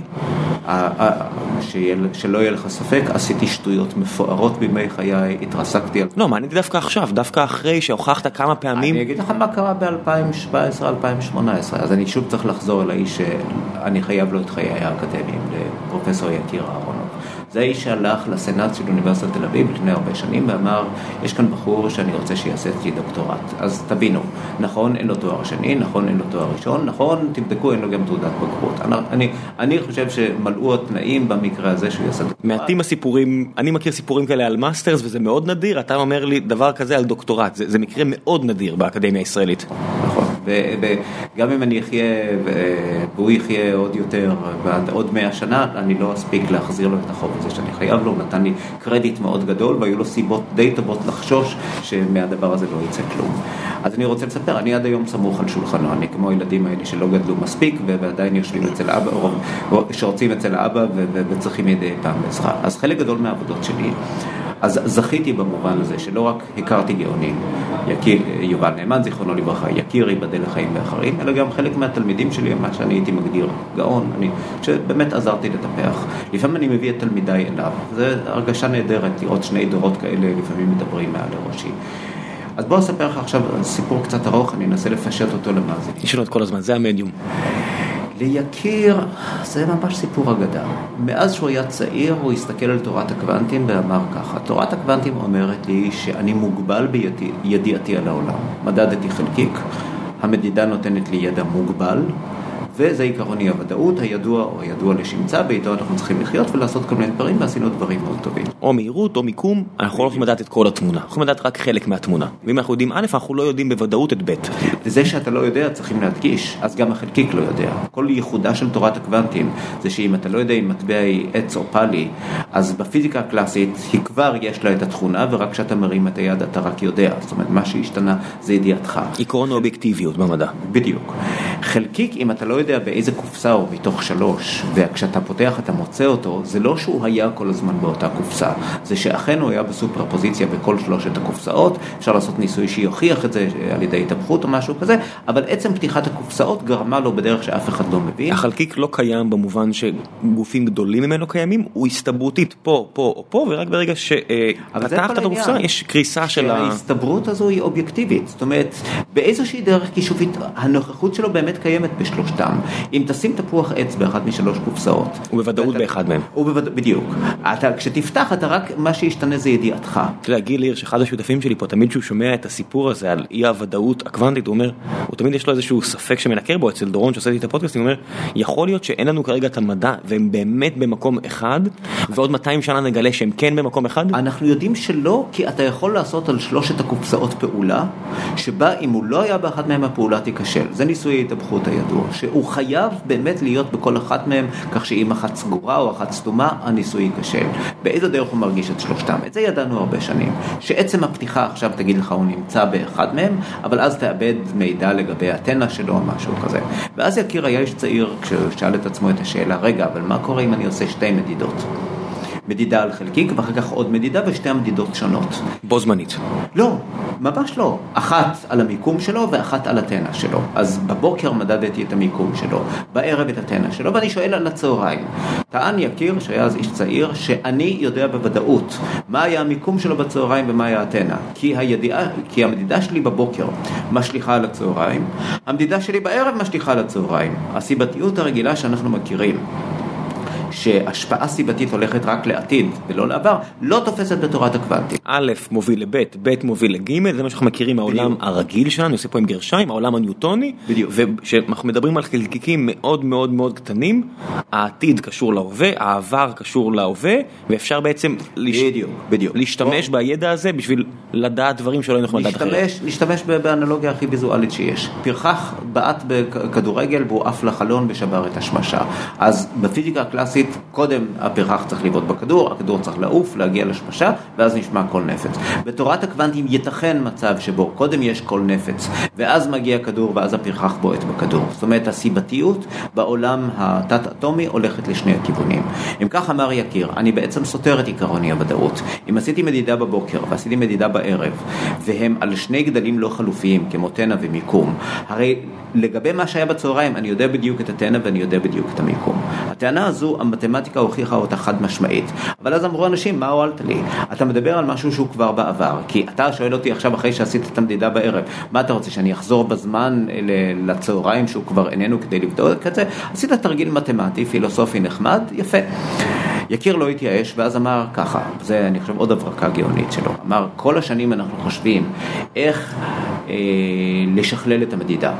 תביא לי את מכשיר המדידה הכי טוב ועיקרון אי הוודאות ייכנס, יקפוץ ויקלקל לך, אתה תדע דבר אחד, לא תדע את השני. אני אעשה את הדבר ההפוך, במקום לשכלל את המדידה, אני אעשה אותה יותר מעפנה, אני אעשה אותה יותר גרועה. זה מה שנקרא weak measurements מדידה חלשה. אני אעשה מדידה שנותנת לי את התוצאה, גם היא בצורה מאוד מעורפלת. סביר יותר שהחלקיק בצד ימין מאשר הוא בצד שמאל. לא בטוח. כל דבר ששונה מ-50-50 כבר נותן לי מידע. בדיוק, כך 51-49. כבר יש לי מידע. בדיוק. אמר יקיר, אם ככה אי אפשר לסמוך על זה. אבל כאן נכנס חוק המספרים הגדולים. תן לי המון חלקיקים כאלה, ואני אעשה להם את המדידות החלשות האלה. תראה איך ש... כמו שבסטטיסטיקה זה עובד, כל האי ודאויות האלה הצטרפו לוודאות, ועכשיו אני יכול להוכיח לך שבעצם עקפתי את עיקרון אי הוודאות. בחוק המספרים הגדולים בעצם אם נעשה מספיק מדגמים הכל בעצם בדיוק. בסופו של דבר נראה מה שנקרא התפלגות נורמלית. בדיוק. במספרים מספיק גדולים. בהתפלגות, ב- אם תיקח מספיק אה, פעמים את מרחב המדגם. סליחה פעמים, את- הניסוי. נכון. שנים רבות המדידות החלשות פרסו ספרות מדהימה, ויחד עם זה חלק מהפיזיקאים נשארו קצת ספקנים. אמרו, תראה איזה מדידה חלשה, זה סטטיסטיקה, אפשר לפרש את זה כך, אפשר לפרש את זה אחרת. באמת עדיין יש היום אנשים שמזלזלים בפיזיקה סטטיסטית? אה, לא בפיזיקה סטטיסטית, אלא ביישום של הסטטיסטיקה לשאלה הגדולה הזאת. אוקיי. כמו שאמרת קודם, טענה מרחיקת לכת מצריכה ראיות מרחיקות לכת, וכאן אם מישהו אומר, אני יכול לעקוף את עיקרון אי הוודאות שהוא לב ליבה של תורת הקוונטים, אומרת הקהילה המדעית, תתכבד ותציג לנו משהו יותר טוב, מאשר אין ספור מדידות שאתה עושה עליהן חישובים סטטיסטיים כאלה ואחרים. אני חושב לא בצדק, אבל יכולותיי המתמטיות כאן הן לא מספיק גדולות כדי להגן על המורה שלי. זה מפריע לך? לא, אז בוא תשמע מה קרה ב-2017. אספר לך בעצם משהו שקרה ב-2010 ואז תבין. אהרונו וויידמן, ידידי אמיתי מסיפור הפצצה, מסיפור הניסוי, הפצצה הדבר כן. מסיפור ניסוי הפצצה, אמרו, לא חייב שהמדידה תהיה חלשה, יכולה להיות מדידה שאני קורא לה מדידה מושהית. תאר לך, אני חוזר לסיוט הזה, של, לסיוט הפילוסופי הזה, שאומר לך מישהו, אם עשיתי מדידה בבוקר ועשיתי מדידה בערב, אני יכול לדעת מה היה בצהריים, אבל הצהריים כבר לא בידי, כי הוא שייך לעבר. אין לי מכונת זמן. אז היה לנו כאן משהו שהטריף אותנו שנים, שהמתמטיקה אומרת שאכן יש אפשרות להוכיח שבצהריים חלקיק הושפע גם מהמדידה של הבוקר, שהייתה כבר בעולם המושגים שלנו, וגם במדידה שבערב שעוד לא הייתה, שזה דבר מדהים, שבעולם הקוונטי גם העתיד יכול, שהוא עוד לא קיים מבחינתנו, יכול להשפיע. וכל מה שיקיר יכול לעשות זה מדידה חדשה, שעם כל הכבוד לה היא סטטיסטיקה והכל. זה היה תסכול גדול מאוד, שהייתה הרגשה שהוא גילה אמת מאוד גדולה. אה, וש... אבל ש... היא מסתתרת עדיין. היא מסתתרת. באו, ואני חושב שהם עצמם, אה, יקיר יכול לתקן אותי אם הוא שומע את הפודקאסט הזה, אני חושב שהם עצמם לא היו מודעים לשינוי הגדול שהם עושים, כשהוא ווייטמן אמרו, ישנם מצבים שבהם אני עושה מדידה על חלקיק שעבר נגיד בשלושה סדקים, עושה עליו מדידה בבוקר, לפני שהוא עבר את השלושה, עושה מדידה בערב אחרי שהוא יצא מכל השלושה וחזר לאותו מקום ועשה את ניסויי התהפכות. אני יכול לדעת שבמצבים מסוימים בערב אני אומר, אילו בצהריים הייתי מודד אותו בסדק הימני, הוא היה שם, ואם הייתי מודד אותו בסדק השמאלי, הוא גם היה שם. דבר שהוא בלתי אפשרי, כי אתה יודע, אם אני אמדוד, אז הוא יקרוס רק לאחד מהם. כי בסופו של דבר המדידה האובייקטיבית שלנו מכריחה אותו להיות במקום אחד בלבד. אז עכשיו, אתה מבין איך אני, אה, מי ששומע את זה, ופיזיקאי תולש את שערות ראשו, אומר, בוא'נה, אם הם צודקים, זה מדהים, אבל עוד פעם, הם מדברים על משהו שהיה. אני אמחיש שוב, אומר יקיר אהרונוב, אני, יש לי משהו חדש לומר על מצב של חלקיק בין שתי מדידות. אומרים, כן, יקיר, איך אתה הולך למדוד את זה? הרי ברור לנו מה לא תעשה, לא תעשה מדידה, כי אם עשית מדידה, אז המצב הוא לא בין שתי מדידות. הקרסת, המצב... יש רק אחד, אמת אחת. בדיוק. אז איך אתה יכול לדעת על משהו בלי למדוד, כי ההגדרה שלו הוא מצב של בין שתי מדידות. אז הייתה מדידה חלשה עם הסיפור שלה. באו אהרונוב וויידמן ואמרו, בוא נעשה מדידה שהיא לא חלשה, אלא מושהת. דהיינו, נעשה מדידה, אבל לא נגמור אותה, נשים אותה במקרר, כך שהתהליך של המדידה קפא לרגע. נחכה עד לערב, נעשה את המדידה הסופית, נחזור אל הפריג'ידה, נפתח את הפריזר, נוציא את מכשיר המדידה שאומר לנו משהו שהיה בצהריים שהוא שמר עליו קפוא, לא and behold, מה אתה יודע, אנחנו יכולים לדעת עכשיו על משהו שהיה בעבר בלי מכונת זמן. אנחנו בעצם עושים מעקף לחוקי הפיזיקה. אנחנו אומרים, אוקיי, זה אסור, אנחנו נלך מסביב. ממש, ממש ככה. הם עושים מעקף, אפילו אם איינשטיין היה שומע את זה, היה אומר לא ייתכן, אתם, אתם כבר השתגעתם הרבה יותר מהיחסות הפרטית שלי, מהיחסות הכללית, מהחורים השחורים. עוד שנייה יש מחשבים קוונטיים ואתה יודע, זה פשוט יהיה האמת, אתה מבין? זהו, זהו. עוד שנייה יש כבר שימושים פרקטיים למה שאתה אומר. עכשיו, המאמר הזה פורסם ב-2010. אני רוצה להציג פה את, ה, את, ה, את הסנצ'ו פנסה שלי, כמו שאני קורא. אני אעשה פה הפסקה ואומר שגם במדע, הרבה פעמים אתה רואה זוגות של אנשים שאחד מהם הוא בדרך כלל רזה, פנאטי, חצי משוגע, לא אוכל מספיק, בדרך כלל אין לו משפחה, בודד, לא מסתפר, והוא רואה תחנת רוח ומסתער עליה. לצידו יש אדם שהוא בדרך כלל עגלגל, חרדתי, חששן, רעב בדרך כלל. קיימן וטברסקי בדיוק חלקו סוג של את המערכת יחסים הזו. אתה רואה הרבה זוגות כאלה. אני צריך להגיד שהבן זוג הנוכחי שלי עכשיו, ש... אליהו כהן, שמסיים את הפוסט דוקטורט שלו בבריסטל, הוא הסנצ'ו פנסה שלי, במובן אבל שהוא גאון בפני עצמו. יש לו את החששנות הזו כל פעם שאני עולה על תחנת רוח, הוא תמיד זה שבא להגיד, אמרתי לך לא להתעסק, זו תחנת רוח. ויחד עם זה חלק גדול מההרפתקאות שלנו במדע, אני חייב לשיתוף הפעולה המעולה הזה איתו. אז הנה סיפור שהוא בא אליי, אני לא ידעתי על המאמר הזה, למרות שזה המורה שלי וזה החבר שלי, אהרונו ווייטמן, שעשו את הניסוי שאומר, אם בדקת חלקיק בבוקר ואתה אומר, המדידה שלי אומרת שהוא הולך לאחת משלושה חורים. בדקת אותו בערב, ואתה אומר, המדידה שלי אומרת שהוא יצא מכל שלושת החורים האלה. במצבים מסוימים אני יכול להגיד לך שאם קיבלתי תוצאה מסוימת בערב, אז אני יכול להגיד, יואו, חבל, אם הייתי בודק בצהריים הייתי אומר לך שהוא בו זמנית, מה שבלתי אפשרי, בחור הראשון ובחור השלישי, בו זמנית, מה ששום מדידה לא עשתה. מה עשו שני, אה, ויידמן ואהרונוב ברמה התיאורטית? אמרו, ניקח פוטון אחר. יש מצבים שבהם פוטון יכול להתנהג כמו לוח, שאם פוטון אחר יפגע בו, הוא יוחזר ממנו כאילו הוא היה חלקיק. אז נעשה את הניסוי הזה, נדאג שפוטון אחר, שלא מעורב בסיפור, נפצל אותו לשניים, נשלח אותו לסדק הראשון ולסדק השלישי. אם אתם לא עוקבים, אני, אני אשים לכם לינק לניסוי ההתהפכות ותראו ב- בעצם מה מדובר בצורה בדיוק. ויזואלית, יהיה יותר קל להבין. בדיוק. ואז נוכל להוכיח לכם, מה שלא קרה עד היום, שאותו פוטון, פוטון בוחן, אכן חזר משני מקומות, ואמרתי, שמע, פגשתי את הפוטון שם והוא העיף אותי חזרה. והחצי האחר של הפוטון הפוטון, או אני אחר של הפוטון, אני פגשתי את אותו פוטון במקום אחר והוא העיף אותי חזרה, ופה אני חוזר ופוגש את עצמי. זה שכב, ואני חוזר אל אלי שאמר לי, אני, אמרתי, אמר, אבשלום, לא תאמין, אין התייחסויות למאמר הזה בספרות. המאמר היחידים שהתייחסו אליו זה אהרונוב וויידמן עצמם, ופתאום. או 2016 או 2017, שני יפנים, אוקמוטו וטקאוצ'י, דיווחו על זה שהם עשו את הניסוי. זה היה כמה שבועות שזה היה על הרשת.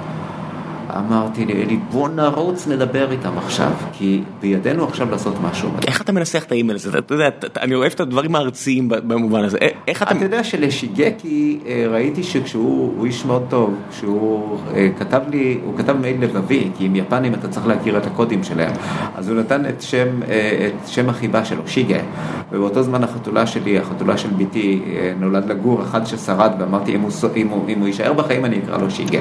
אז אני צריך להסביר, כשטקאוצ'י יבוא לפה אני אצטרך להסביר לו שהכל נעשה באהבה. אה, זה לא, אני חושב שצריך הרבה חוצפה אבל גם הרבה פשטות. אה, מה אה, הכותרת? אתה יודע מה, אני מצטער שאני מוריד אותך לדברים ארציים כשאתה מדבר על דברים כאלה פנטסטיים, מה הכותרת של המייל? אם תראה את התמונה, תראה שאוקמוטו, ריו אוקמוטו, אני הייתי בטוח שהוא בן 12, כי הוא נראה כמו ילד. טוב, זה הסטריאוטיפ על אסיאתים, שהם די ageless. כן, הוא אמר לי שהוא אב לשני ילדים, אז הוא סיפר לי אחר כך שהוא עושה את הפוסט-דוק בטורונטו, חזר ליפן ואמר לטקאוצ'י, תשמע, יש איזה ניסוי של אהרונו וויידמן שמאוד כדאי לעשות. הוא אמר, תשמע, יש לנו דברים אחרים, אבל תעשה אותו. ואז הם פרסמו פרסמו את זה והם נורא התרגשו. אז אמרנו להם, תשמעו, בינתיים אהרון הוא המציא משהו יותר השטני.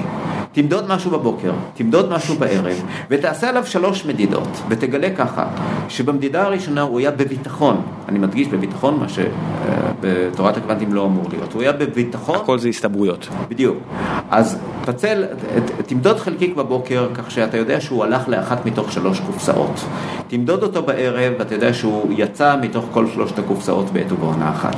והיה, ואם בערב קיבלת תוצאה מסוימת, post selection בשפה המקצועית, אז אתה יכול להגיד, וואו, אילו בצהריים הייתי מודד אותו, הייתי מקבל דבר מדהים. מה היה הדבר המדהים עכשיו? שבצהריים אתה עושה שלוש מדידות. בשעה 12, בשעה 1, בשעה 2. בשעה 12 בביטחון הוא בקופסה מספר, אה, בקופסה A. בשעה 2 אה, הוא בביטחון בקופסה C. בשעה 3 הוא בביטחון בקופסה B. זאת אומרת, יש כאן היעלמות והופעה והיעלמות מחדש. דבר שלא היה כמותו בתורת הקוונטים. לו היינו מניחים לדבר הזה, יקיר היה עושה אותו במדידות חלשות, הייתה נחה דעתו שבשיטה שלו זה נכון, אבל אמרנו, רגע, כיוון שאהרונו וויידמן עשו את זה גם במדידה חזקה, רק מושהת, בואו נראה, ישבנו וחשבנו הרבה, ובמזל היה לנו מאמר שלנו, תיאורטי לגמרי, עם יקיר אהרונוב ולי סמולין מפרימטר, שהראה שפוטון בוחן יכול להיות בסופר פוזיציה לא רק בכמה מקומות שהוא היה, אלא אפילו לגבי זמן יציאתו, זמן פליטתו מן המנורה. כלומר, יכולות להיות לפוטון הסרטון הזה שלוש היסטוריות, שהוא יצא ביום ראשון מהמנורה, שהוא יצא ביום שני מהמנורה, שהוא יצא ביום שלישי. זה נשמע כל כך פנטסטי שכמעט עולה על שפתיי השאלה, זה אותו פוטון? אנחנו לא יודעים בוודאות שזה אותו הפוטון. תראה, כמה שתורת הקוונטים משוגעת, דבר אחד היא לא עושה, היא לא מפרה את חוקי השימור. אז אתה דואג שלא יהיו שום פוטונים בסביבה, ואתה אומר, בוא'נה, התחלנו עם אחד, סיימנו עם אחד, מה אתה רוצה? מה קרה לו? אתה יודע, בשלב מסוים אני חייב, אה, כמי שמן הסתם מתמטיקה גדולה עליו ברמות האלה, כן. ומן הסתם לא מכיר את העולם הדימויי שאתה חי בו, אני אומר, יש חלקיק, אז אתה אומר לי, הוא מתנהג לפעמים כמו גל ולפעמים כמו אה, צורה אחרת של חומר, בסדר. אבל בסופו של דבר, אני, אני, התודעה שלי מכריחה אותי לחשוב איפה הוא, מה הוא.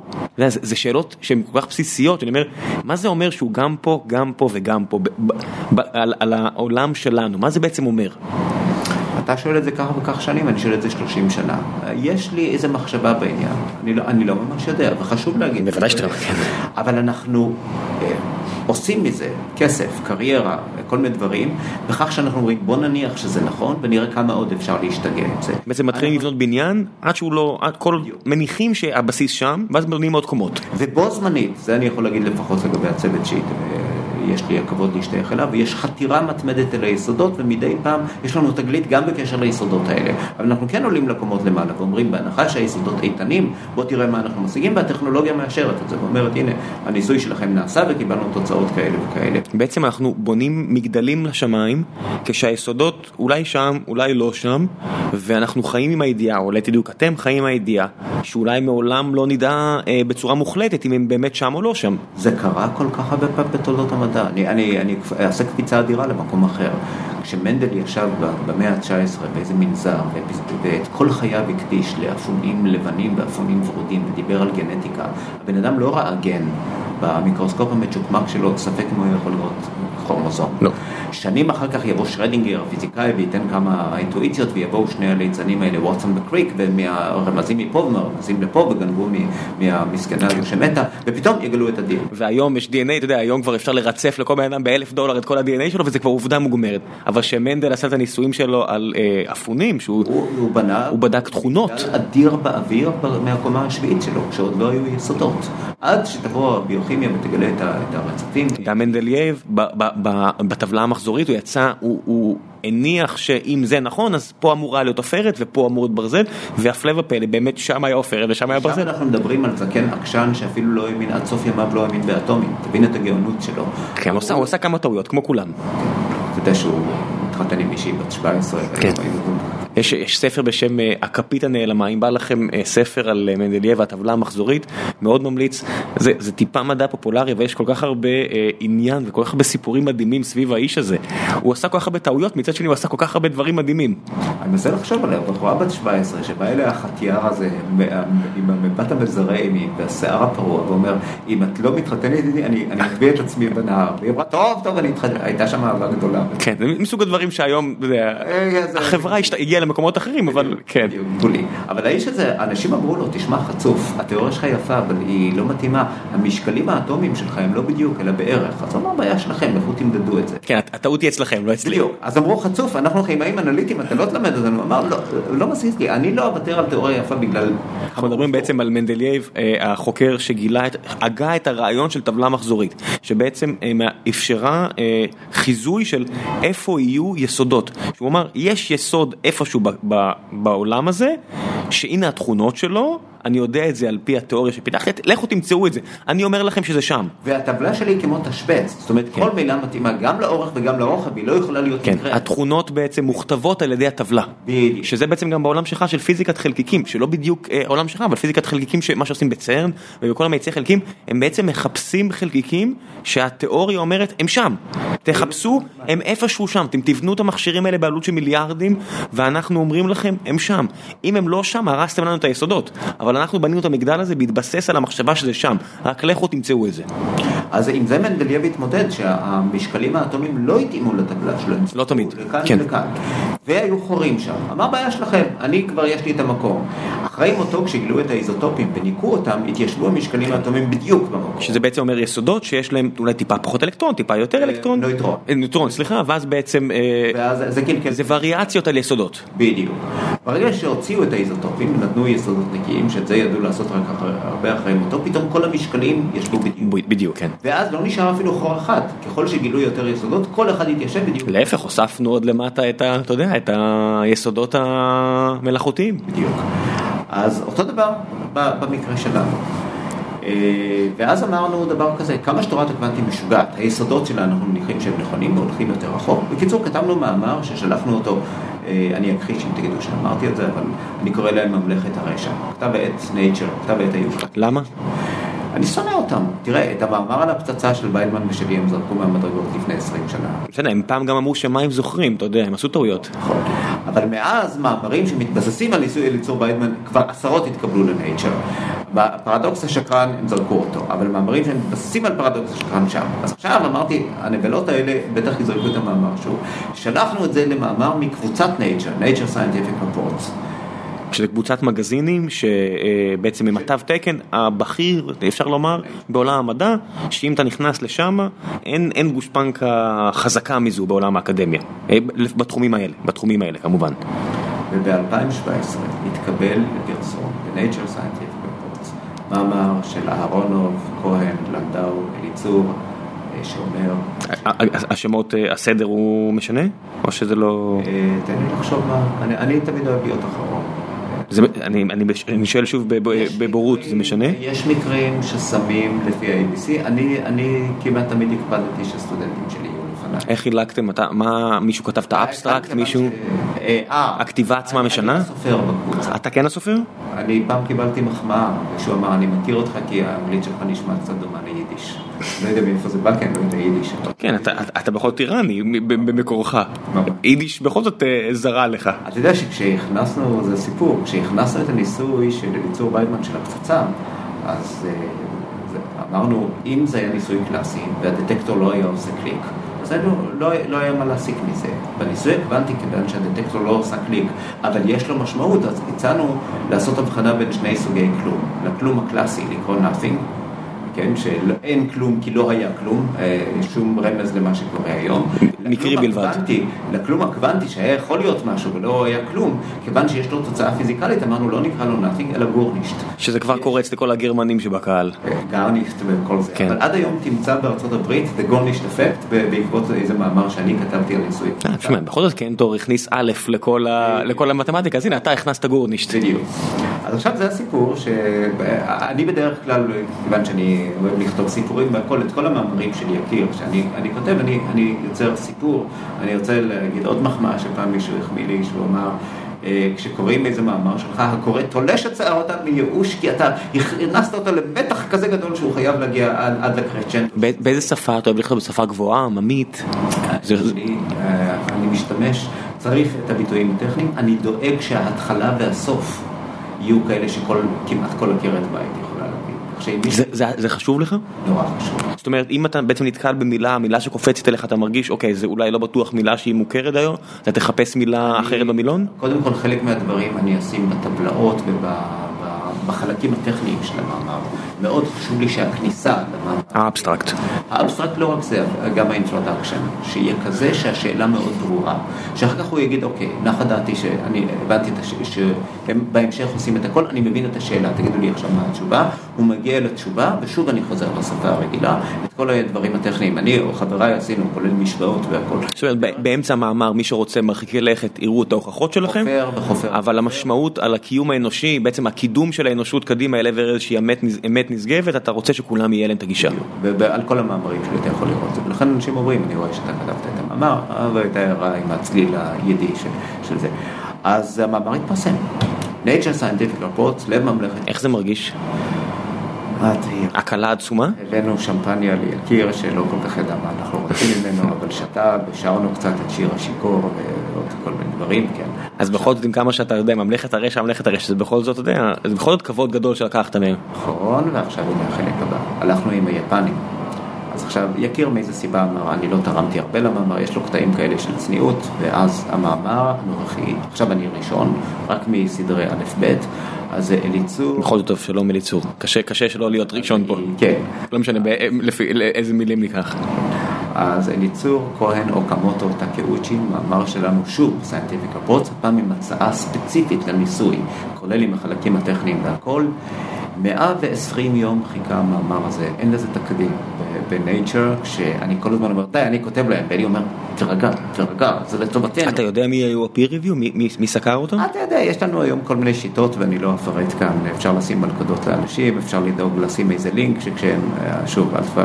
בוודאי, זה יותר קרוב לעולמי מאשר לעולמך, אז אני מניח שאני יודע את התשובות. גם אני קצת נחש, אז אני יכול להכניס מדי פעם איזה לינק, ואז להגיד, וואלה, פתאום, University of Virginia, הבנתי מי קורא את המאמר שלנו, גם לי יש שיטות, אבל אני לא, אני לא עושה בהם שימוש נכון. בקיצור, לא צריך להעריך הרבה. אני, ההשערה שלי שבמשך 120 הימים האלה, מה שעשו במערכת Nature Scientific Report, זה ברור, מי האידיוט שהכניס את הסוס הטרויאני הזה לפני שנה, שעכשיו אין לנו ברירה אלא לפרסם את המאמר הזה. זה לא קורה הרבה שנייצ'ר מפרסמים משהו ואז צריכים לקחת אותו בחזרה, אז מהבחינה הזו שהם לוקחים את הזמן, הם יעדיפו לא לפרסם, מאשר לפרסם משהו שמישהו לאחר מכן יגלה שהייתה טעות והם יצטרכו לפרסם תיקון. הם מאוד חרדים מהאפשרות הזו, למי שלא מבין למה יש פה 120 יום של בדיקות ושמרנות מדעית, זה קצת נשמע, כל העולם המדעי מהבחינה הזו נשמע קצת כמו ה-FDA, שאתה אומר, אוקיי, זה נולד במטרה טובה, באמת צריך לבדוק שהתרופות לא גורמות למומים אצל תינוקות ולא מתים ילדים ולא מתים מבוגרים וכו' וכו' וכו' וכו', אבל איכשהו הגענו למצב שהיום תרופה לסרטן יושבת על המדף 12 שנים בבדיקות על גבי בדיקות על גבי בדיקות על גבי בדיקות ואם מישהו מת מהתקף לב במהלך הבדיקות אז חייבים להוסיף שאולי יגרום לך למוות וזה נשמע כאילו עולם הפיזיקה גם צועד לכיוון השמרנות הזו. אני חושב שמאמר כזה משוגע, בוא, בוא נראה, בוא נראה שאנחנו לא מתבזים. ואז מישהו אמר, רגע, אבל פרסמנו מאמר קודם שלהם. ואז הם עשו אליו את הבדיקה, ועכשיו לכל המאזינים שבבית, שהם בטוחים מאוד, הגיעה התשובה. הואילו בטובכם לתקן את הפסקה הזאת, הואילו בטובכם להרחיב מה לגבי המשוואה הזאת, ושנינו תהיה בטוח שאנחנו עכשיו מתקנים את זה, עקב בצד אגודל בדיוק לפי זה. אני חושב שלא יעבור הרבה זמן עד שיעשה הניסוי. וכאן אני רוצה להגיד, אה, יקיר אהרונוב הוצע כמועמד לנובל כבר לא פעם. אוקיי, okay, למי שלא מכיר, הפרוצדורה של אה, מועמד לנובל, אתה צריך בעצם שמספר האנשים שכבר זכו, נכון? ישימו את שמך, זה בין, בין התנאים, לאקדמיה בשוודיה. איזה עוד תנאים הם מעורבים? ואז יושבת האקדמיה ובודקת את הפרסומים, את האימפקט שלהם, את הניסויים אני מאלה, וכמובן שאני לא אובייקטיבי, שסבור שהוא ראוי לו כבר מזמן, מזה הרבה שנים. וראינו בשנים האחרונות כמה פעמים שהמועמדות עלתה. ו... זה אכזבה גדולה כל שנה? לי כן, אני חושב שגם לא, למרות שהוא לוקח את זה בצורה יותר פילוסופית. תזכור ששתי המדינות שהוא אזרח שלהן, ישראל וארצות הברית, נתנו לו את אה, אותות ההכרה הגבוהים ביותר. הוא קיבל את פרס וולף. והוא קיבל את מדליית הבית הלבן מידי אובמה. שגם בישראל וגם בארצות הברית זה בעצם האותות הכי גבוהים למדע. בדיוק, וזה, וזה רמז והרבה פעמים הרמז נקלט. רמז מטרים לבאות. מצד שני, אתה יודע, אנחנו לא חיים לעד, ונובל לא נותנים אה, פוסט מורטום. נכון. אני סבור שאני מאמין שהוא יקבל, ואני חושב שאנחנו סיימנו. מה אתם יכולים עוד לעשות, איפה שעובר לך המחשבה שאולי נקדם אותו עוד קצת, נשים אותו באיזשהו מאמר שלנו, אני לא יודע. יש לי הרגשה כשאני אחזור הביתה הוא יצלצל להם ויגיד פודקאסט יפה מאוד, אבל למה, איפה הטיוטה של המאמר הבא שדיברתי עליו? הוא האיש באמת מעיין בלתי נדלה, אתה לא מרגיש את זה בשנותיו, לא פיזית ולא מנטלית. המוח שופע כל הזמן רעיון. על כמה מאמרים הוא חתום? זה בעשרות? מאות? מאות? זה גוף יצירה שהוא לא נתפס. כולל פטנטים, כולל אה, מענקי מחקר אדירים, האיש הוא... כשאתה מדבר עם אדם כזה, עולה לך לפעמים הרצון לזרוק לכיוונו קצת פינג פונג על דברים אחרים? אתה יודע, אם זה פסיכולוגיה, או אם זה אה, שאלות, אה, בעיית הפסיכופיזית, או כל מיני דברים כאלה שאפילו, לא יודע מה, לייבוביץ', או כל מיני כאלה אמרו שבלתי פתיר, ואז להגיד, אוקיי, הנה יש לי בן אדם שעושה דברים בלתי פתירים. יקיר הוא רב תחומי בעצמו, יש לו חשיבה פילוסופית מאוד טובה. אנחנו במקרה קרובים, אה, כיוון שהוא ואשתו פרסמו את זה, אז אני יכול לומר, אה, לפני שבע, שמונה שנים קרה משהו בחייו לא פשוט. הוא התגלה גידול סרטני אצלו, ובאותו זמן הייתי פנוי ואני מצאתי את עצמי כל בוקר עם הכבוד הזה להסיע אותו אל הכימותרפיה בבלינסון. אני, אני באותם שישה שבועות עברתי דוקטורט שני כי הוא, הוא, הוא טרטר אותי, זה היה משהו לא יאמן, האיש בתוך כל ההקרנות וכל הדבר הזה חשב בעוצמות, באינטנסיביות שלא תאמן. אולי, אולי בהרגשה של התודעה שאתה יודע, זמן, זמנה קצוב וצריך להספיק כמה שיותר. כן, כן, אבל אז התקרבנו הרבה ודיברנו הרבה על המון שאלות, אשתו פסיכולוגית ויש לו נגיעה לעולם הזה, והם שניהם לא הסתירו את העובדה שבנם פגוע הנפש ונילי אה, עושה עבודה ברוכה מאוד בכל, ה, בכל התחום הזה, ובכלל, אתה יודע, בכל, זה מסוג המקרים שאדם חייב אה, את הקריירה שלו הרבה לאישה שנשאה בעול במשך שנים, גם בסיפור המשפחתי העצוב הזה. אז אה, לדבר עם יקיר על פילוסופיה, על פוליטיקה, על היסטוריה, זה, זה חוויה שהיא תמיד מרתקת. איך, נראה, איך נראית תפיסת המציאות אה, בפי אדם כזה? היא יותר אה, רחבה, היא יותר סלחנית, היא יותר נוקשה? אני חושב שמתקיים בו מה שראית בהרבה גאונים, וזה שיש בהם, להם מזג די נוח. אה, אנחנו בדרך כלל... באמת? זה, זה, זה הסטריאוטיפ על גאונים? מזג די נוח? בפיזיקה ובמדע יש יוצאים מן הכלל מעטים, ניוטון או ברנולי או משהו שהיו אנשים מגעילים. ניוטון ולייבניץ רבו ביניהם כמו זוג חתולים במשך כל חייהם? ניוטון הוא דמות באמת מוזרה, אדם אומלל מאוד, בודד מאין כמותו, מריר שעבר התעללות בילדותו והכל, זהו דמות חריגה קצת, אבל גם בגאונות שלו. אבל תחשוב על דרווין, על איינשטיין, אלה אנשים שהיה ממש כיף לשבת איתם. כן, איינשטיין היה כוכב רוק בשעתו, אנשים רק רצו בחברתו. וגם איזה פשטות ואיזו ענווה. הנה גדל למשל, שהיה עם איינשטיין, איינשטיין לקח אותו דווקא בגלל שהוא היה שקט כזה, ובכל זאת נתן לו חברות שלא הרבה נתנו לו. לא מזמן נתתי הרצאה, אתה יודע שאיינשטיין, שאלו אותו למה אתה הולך למשרד שלך, כי הרי הוא תיאורטיקאי ולא הייתה לו מעבדה, הוא אמר כדי שיהיה לי הכבוד ללוות את גדל. אה, בחזרה. והוא לא אמר את זה באיזה, הוא באמת העריץ את, אה, את מחשבתו, את החדות. כן, ואני נתתי הרצאה ושם שיערתי מה, מה היה שם. אתה יודע שבנו הצעיר של איינשטיין, אדוארד, סבל מסכיזופרניה, ובין האב לבין הבן היה נתק, הם לא ראו זה את זה. כשהבן מת, ספק כמה איינשטיין התאבל עליו, כי עשרים שנה הוא לא ראה. מחלה קשה מאוד, אכזרית. אכזרית ונוראית, והוא היה מאושפז במשך שנים באירופה, ואיינשטיין היה באמריקה. אני חושב שעל מצפונו של איינשטיין רבץ כאב נוראי על זה שהילד הזה שהוא כל כך אהב, ברגע שהילד ראה כלפיו סימנים של כעס ותחייה והכל, איינשטיין הרים ידיים וניתק את עצמו.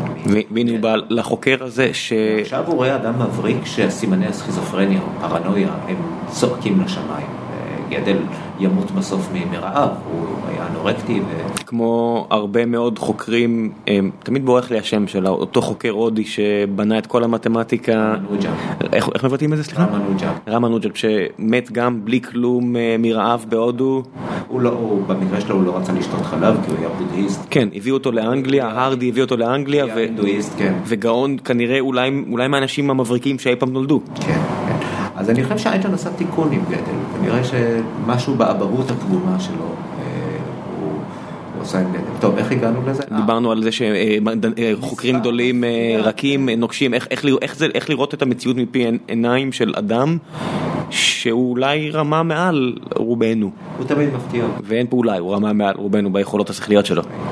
כן, אני לא. אני חושב, אני אומר לך משהו על עצמי, אני כשהייתי ילד בכיתה שלי, בבית הספר שלי, ילד גאון, שכולנו מאוד הערצנו, והילד הזה היה גם מקסים ויפה וחזק בספורט והכל, ואני זוכר זה היה אחד ה... פתאום שתפסתי את עצמי שאני לא יכול לשנוא אותו. כי הילד הזה היה מאוד טוב אליי, פרס עליי את חסותו והכל, והייתי במצב של מישהו שעולה עליי בכל התחומים, ואני אפילו לא יכול לשנוא, למצוא איזה מניאק הוא, איזה מנוול הוא או משהו, אני חושב שזה נתן לי בחיים את היכולת שגם כשאני מקנא ביכולות של מישהו להרגיש קטן לידו, זה לא ממש מפריע לי. כל עוד הוא אדם נחמד. אפילו גם לא... כן, גם אדם לא נחמד, אין לך מה... לי יש את היכולת הזאת. באמת? השגתי את זה הרבה. אם הוא בלתי נסבל, אז אפשר מרחוק. כן. אבל עם יקיר, אני חושב שיש לנו מזל, האופי שלו הוא כל כך נוח. היכולת שלו, אני תמיד מלמד צעירים שאני מביא אליו, אז אתה תראה אותו מזעים את הגבות שלו אליך, כשהשיער כבר לבן והכל, מה פתאום וכך הלאה, תדע לך שמהרגע הזה הוא מתחיל להעריך אותך, מהרגע שאתה מקשה עליו, מהרגע שאתה... כי הוא לא פותר אותך. בדיוק, בדיוק, הוא מתייחס אליך כאילו אתה אמיץ. גרמת לו לחשוב. בדיוק. וזה אנחנו מבורכים, אני מרגיש כל כך הרבה שנים, אנחנו צמודים לאיזה מעיין של שפע כזה. שמאוד מעריך את זה, שמקשים עליו, שמאוד מכבד, גם אם הוא לפעמים ירים את הכל וייראה כעוס כזה והכל, ויגיד רגע רגע תן לי לחשוב, ייקח שחטה מהסיגר, אני צריך לציין שלמרות מה שהוא עבר הוא לא נגמל מה... אני חושב שזה חלק שמאוד חשוב לערנות. אם אמרנו גם פאול ארדש עם ספידים ועם כדורים אחרים והגיע לגיל כמעט 90 שזה אתה יודע אתה אומר אז אם יכיר אתה יודע שמופיע הרגע האלוהי הזה שהוא יגיד רגע תן לי לחשוב קצת מדליק את הסיגר מתחילים עננים לרחף מסביב, עם השנים התרגלתי לריח, ואז הוא ידבר בקול איטי, ואתה אומר, בואנה, הבן אדם הזה אה, פלש לתוך... בתוך כדוריות הדם האדומות והלבנות והתעשיות. יש, יש תיאור על פרופסור בעברית שמתעסק בלוגיקה, אולי אתה מכיר את שמו וברח לי השם. שלח, אהרון סלח אולי? סהרן שלח. סהרן שלח. ש... משפחה מפוארת. שכולם אומרים שאנשים מפחדים כבר לבוא להתייעץ איתו, כי הם מביאים לו את הבעיה, יוצאים מהחדר, אולי הולכים להתפנות, אולי הולכים לאכול, חוזרים וכבר פתורה על הלוח, ואומרים, רק רציתי לשאול אותך, לא רציתי שתפתור את זה. יכירו גם שחמטאי אלוף, אני חושב שהוא אמן, רב אמן. אוקיי, בשחמט, למי שלא יודע, זה כמו בטניס, יש דרגות אה, מספריות, עד לדרגת מועמד לאמן, אמן, מועמד לרב אמן, רב אמן, רב אמן בינלאומי, אה, ואתה בעצם אומר שהוא אה, אמן, שזה בדרך כלל מצביע על יכולות מאוד מאוד גבוהות. הוא שיחק פעם מול בובי פישר, לבובי פישר לא היה פשוט להביס אותו, יכיר מאוד טוב, אז אני חושב שמה שאתה מתאר הרבה פעמים אני מרגיש שזה בתסכול, מחניק איזה קללה, בואנה הוא הקדים אותי שלוש-ארבע צעדים, הוא שם לי אמבוש, וזה כיף, זה כיף כי אתה יוצא ממנו ואתה... מצד שני אתה הבאת לו את השאלה, אתה יודע, אה, גם, גם מי שפותרת, אתה יודע, הרבה פעמים אתה רואים את זה במדעי המחשב, אה, זה נחמד שבנית מכונה שפותרת, אבל מישהו צריך לשאול אותה מה השאלה הנכונה. אני, אני מעולם לא הקלתי עליו וראיתי את האיש, אתה יודע, כמו שאומרים, אדם ניכר בכוסו, בכיסו ובכעסו, אה, אני ראיתי את יקיר בארוחת הערב. מבקש כקינוח gin and tonic, ואתה מצפה שעכשיו הוא יסמיק. אמרו דברים כאלה על רבין, ולא, אז הוא שתה, מצב הרוח לא יותר טוב, והוא עוד יותר מפוקס. לא, אבל אתה יודע, בוא, בוא, זה כנראה לא שתייה מופרזת, אתה יודע, כן. כמו כל חומר כימי, הוא רק משנה תודעה. יש, יש את המצב, יש את ההבדל בין שתוי לשיכור. אז אני אומר... אה, במקרה, במקרה שלא נכנס יין ויצא סוד, והסוד, אתה מרגיש שאתה מקבל את יקיר נטו בשעות האלה. מוריד מגננות פסיכולוגיות. סליחה? לא, הורדה של מגננות פסיכולוגיות. כולל בפני עצמו, כלומר, הוא יכול בכנות להגיד, רגע, רגע, זה לא נכון מה שאמרתי, רגע, וככה הלאה. ואפילו הזדמנות, הוא, הוא יוצר איזו שקיפות כזו, שאתה יכול ממש לראות איך. אתה הולך לטיפול פסיכולוגי? כאדם שמאוד... אה, אה... אתה יודע שאני שברתי שיא בגינס. שמה? אה, אני היחיד שאני מכיר ששני פסיכולוגים שטיפלו בו, שניהם דוקטורים, הגיעו בסוף לבית סוהר. Hmm? פסיכואנליטיקאים? אחד היה פסיכואנליטיקאי, תשמע סיפור, אני מגיל קטן, במשפחתי יש מחלת נפש. ותרשה לי לא לפרט. בוודאי שלא. אז גדלתי בצל של מחלת נפש, של הורה, ודאגה שמהצד של ההורה הזה... כשיש לך פצצת זמן מתקתקת בתודעה, אתה אומר. היה היה פחד כזה. אה, הוא חלף? אה, הוא חלף כי באיזשהו, כבר בגיל צעיר, אני לא אשכח, רק שנים אחרי זה הבנתי איזה גיבורה היא הייתה. אה, מנהלת המרפאה לבריאות הנפש ברחובות, דוקטור מריום גלאזר, הייתה יקית. אישה יפה מאוד, למרות שהייתה זקנה, מצודדת מאוד, עם אודם וחליפות והכל, ואליה הגעתי עם איזו תלונה, אתה יודע, של ילד דתי, עם פחדים, מעוננות ודברים כאלה, ואני זוכר איך הגרמניה הזו, פורסית נוקשה, שהטילה עליי אימה, אה, מאוד לא רצתה לתת לי תרופות, שלוש ארבע הערות, כמה שאלות על מיניות, על כל הדברים, ופתאום, אני זוכר שיצאתי משם, שאני שונא את האישה הזו, אבל פתאום אני אומר, בוא'נה, היא עשתה לי איזה שקט בחיים, פתאום פתאום הורידה הרבה אנרגיות, הרבה חרדות. עזרה לך לשאול שאלות טובות. עזרה לשאול, וזו הייתה הפגישה הראשונה שלי עם הפסיכותרפיה. להזכיר לך, זה היה הטיפול הציבורי. שנים אחרי זה, המשוגע הכי מפורסם של הרחובות, זיכרונו לברכה, אדם שהיה צועק ברחובות, הוא פגש אותי שם, כי אין לך שעות, אין לך פרטיות. היה רואה אותי ברחוב ואומר, נו, עבר לך? ואני הייתי אומר, בוא'נה, אני אחנוק אותו, מה הוא מספר לכולם? אחר כך כשגדלתי, אה, אז כבר הייתי אדם מפורסם וידוע והיה לי כסף, והלכתי לפסיכיאטר. פסיכיאטר, לא פסיכולוג. היה חשוב לי לעשות את הבירור הקליני עד הסוף. רגע, מה זה אומר?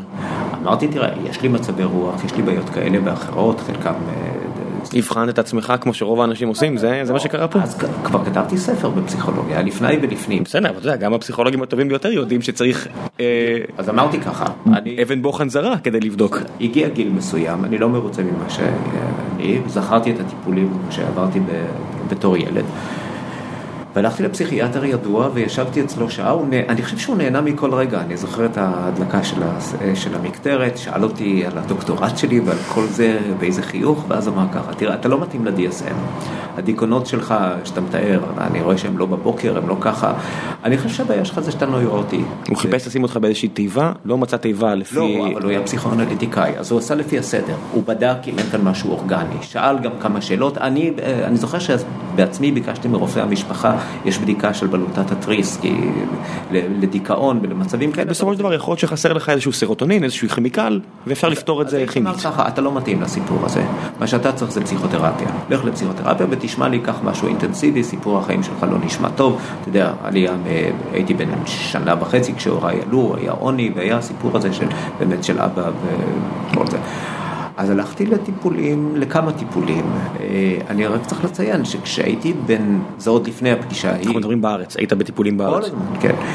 כשהייתי בן 18, 19, אה, היה פסיכולוג מבריק בבית חולים קפלן. אה, שאני הייתי שם סניטר באותה תקופה, הרי לא למד, נשרתי מבית ספר ואמא שלי אמרה לך לעבוד. ואז הלכתי לפסיכולוג הזה לטיפול, והטיפול היה מצוין. שמו היה אלכסנדר מילו, אדם מקסים ועם המון ידע, עם אה, דוקטורט בפילוסופיה, ואחרי שנים הוא עושה דוקטורט גם בהיסטוריה, אינטלקטואל משכמו ומעלה. אתה יכול לתאר לעצמך מה הרגשתי הרבה שנים אחרי זה, כשקראתי בעיתונים, שדוקטור אלכסנדר מילו הלך לכמה שנים טובות לכלא על התעללות מינית במטופלים שלו, בי הוא לא נגע. אבל זה היה פתאום... מה, תחת הרדמה? לא. פשוט אה, שלח ידיים והשתמש במניפולציות רגשיות בשביל אה, להשקיט. מדברים על חולי נפש קשים ועל מנוול שעשה דברים שלא יאמנו. שוב, אליי הוא היה טוב. אולי הוא היה בסדר, פה ושם בדיעבד, פגשתי אותו כמה פעמים אחרי זה ואמרתי משהו אפל באיש הזה. באמת? יכול... אתה היה... לא נס עכשיו את הידיעה על... אה, לא, כי אה, חברים שלי, דוד רויטמן ועוד כמה, פגשו אותו, היינו נפגשים באוניברסיטת תל אביב ואני אמרתי, אתה יודע, הוא היה פסיכולוג שלי, ואני חושב שאפילו הם אמרו, הדרך שהוא מסתכל עליי מוזרה או משהו, היה שם משהו. אז כנראה, למרות שהיה נשוי, אז כנראה היה... לא, אפשר לחשוב שכל מי שנשוי אה, לא שלח ידיו. משהו פדופילי, סדיסטי או משהו, אבל בי... מאוד יכול להיות שהוא עצמו היה פגוע נפשית. בטוח, בטוח. אתה יודע, אתה מתאר התנהגות שהיא לא, היא כל כך לא נורמטיבית, שאני אומר אולי יש פה עניין מעבר ל...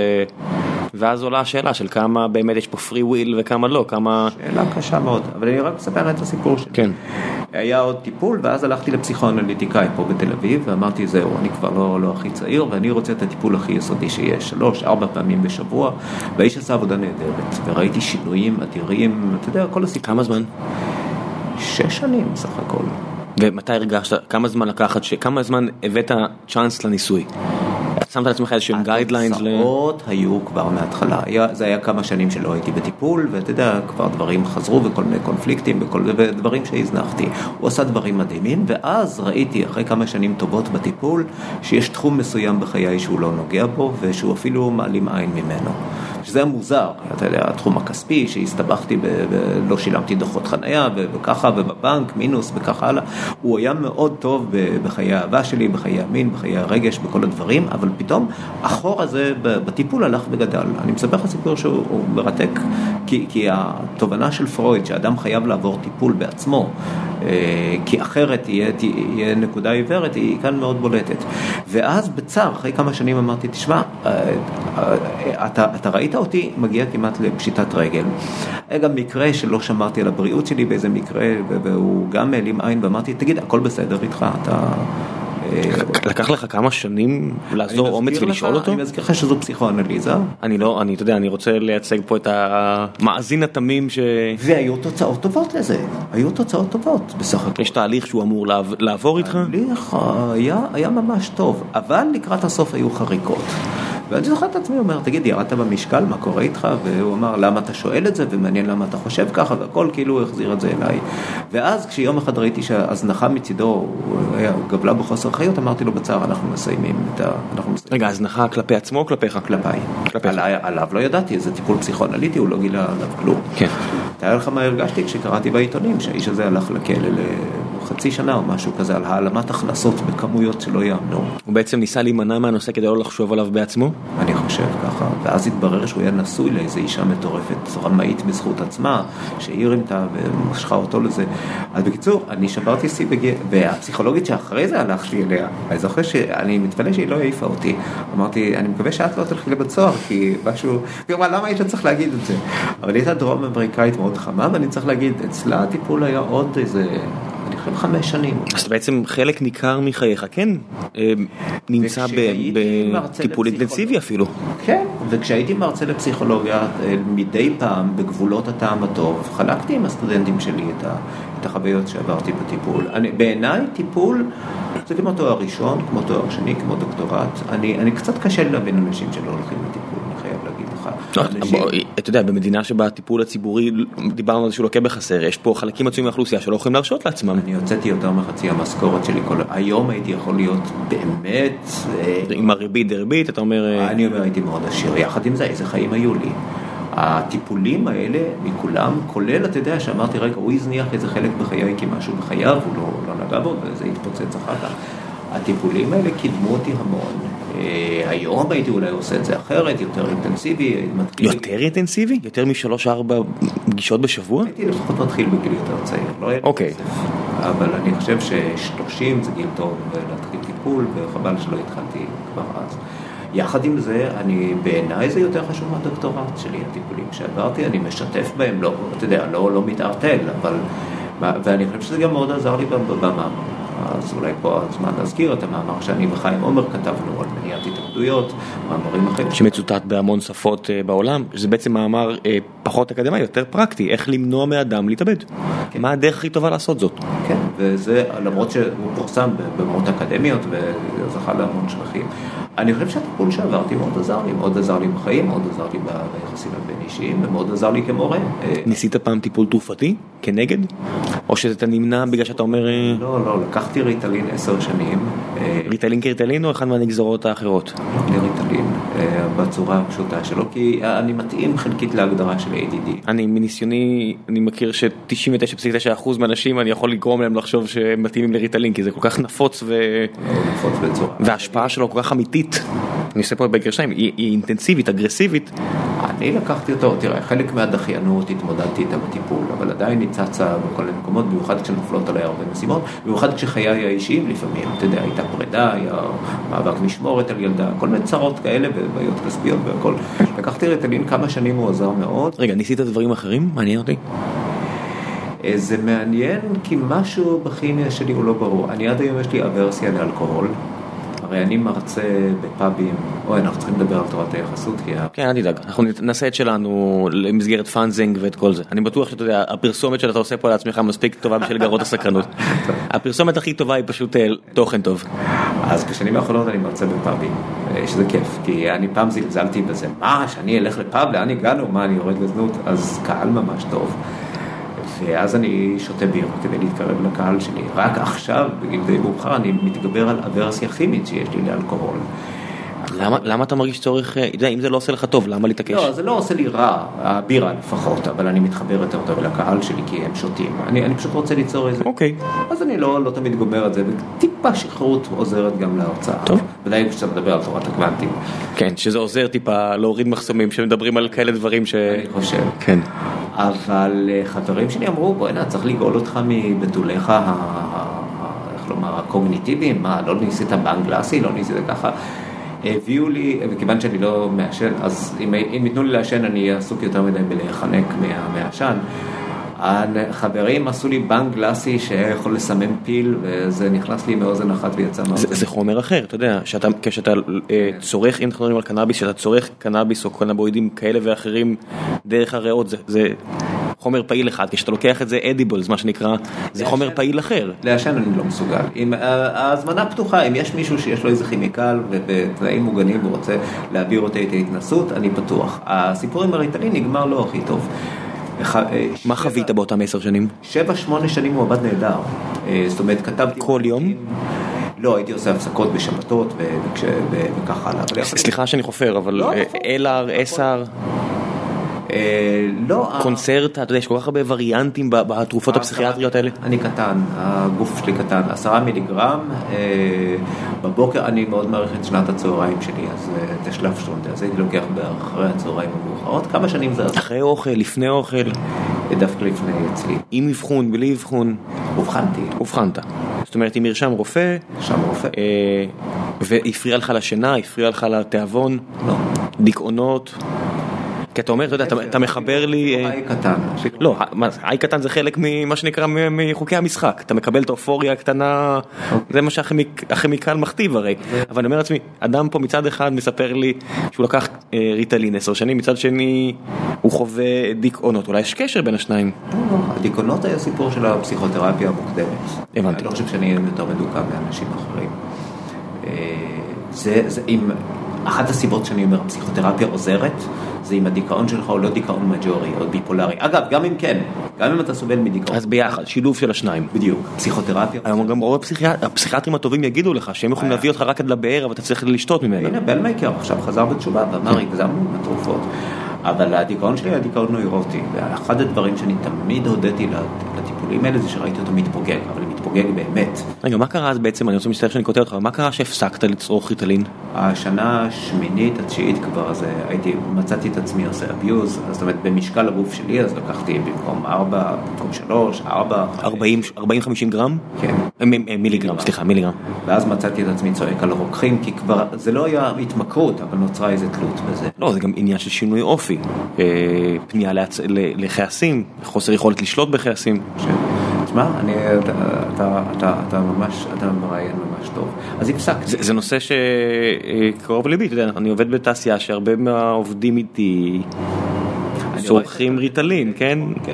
סטודנט, כסטודנט בבן גוריון, במחלקה להנדסה, הכרתי מעט מאוד אנשים שזו לא הייתה דרך הלימודים שלהם. אני, אני אומר את זה בלי בושה, כן? שחרמתי מסטודנטים שלי מתלמידי תיכון בתואנה כזו או אחרת חפיסה של ריטלין ואמרתי אוקיי אני אשתמש בזה.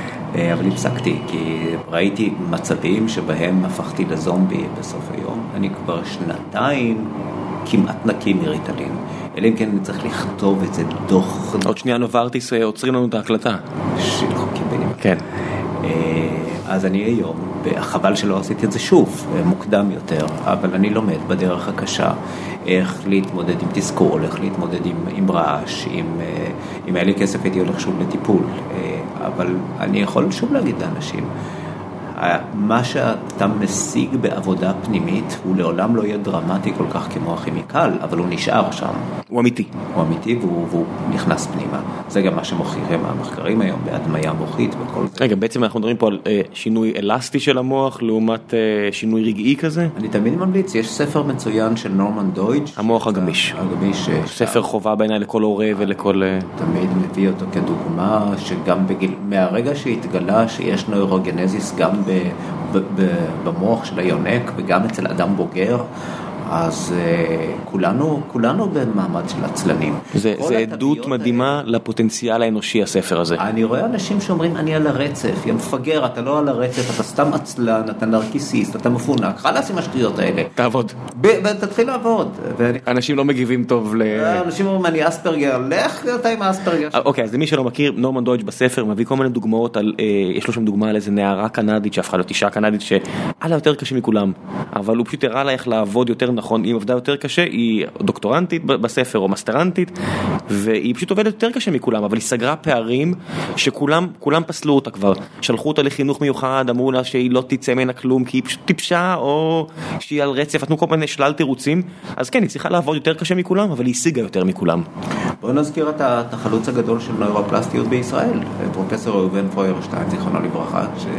ניורופלסטיות בעצם אה, התיאוריה של שינוי אה, המוח, אה, הת- עם התיאוריה של פעם או אפילו היום בתפיסה של אה, עד גיל מסוים המוח מתעצב ואז זה מה יש, אז בעצם יש פה תזות או תיאוריות שאומרות שהמוח מתעצב, משתנה פיזית, ביולוגית, כימית, גם בגילאים מאוחרים יותר.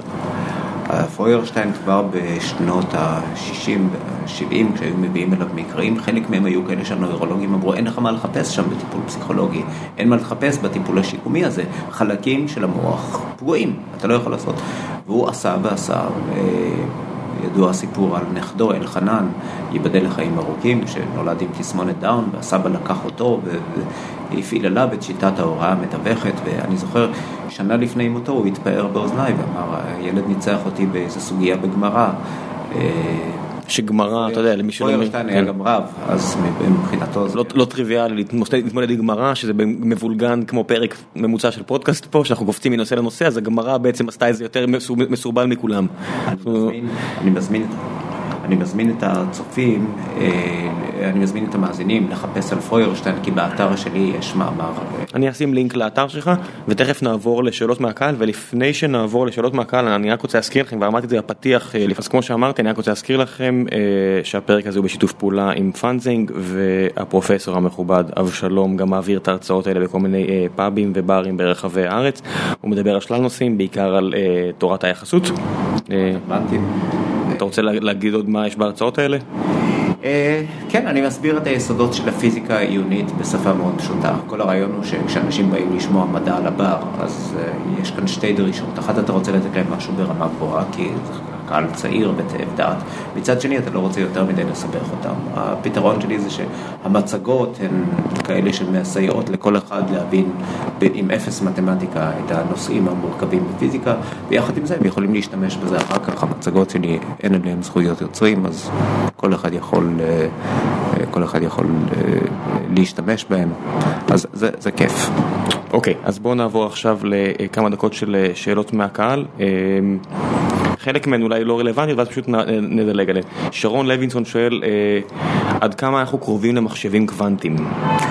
די קרובים, אני יודע שלפני כמה שנים באוניברסיטת בריסטול, לפני שנה אפילו, הגרסה הפשוטה ביותר של מחשב קוונטי אה, בוצעה, ובעיה מאוד פשוטה שניתנה לו, הוכח שהוא פתר אותה מהר יותר מאשר מחשב רגיל.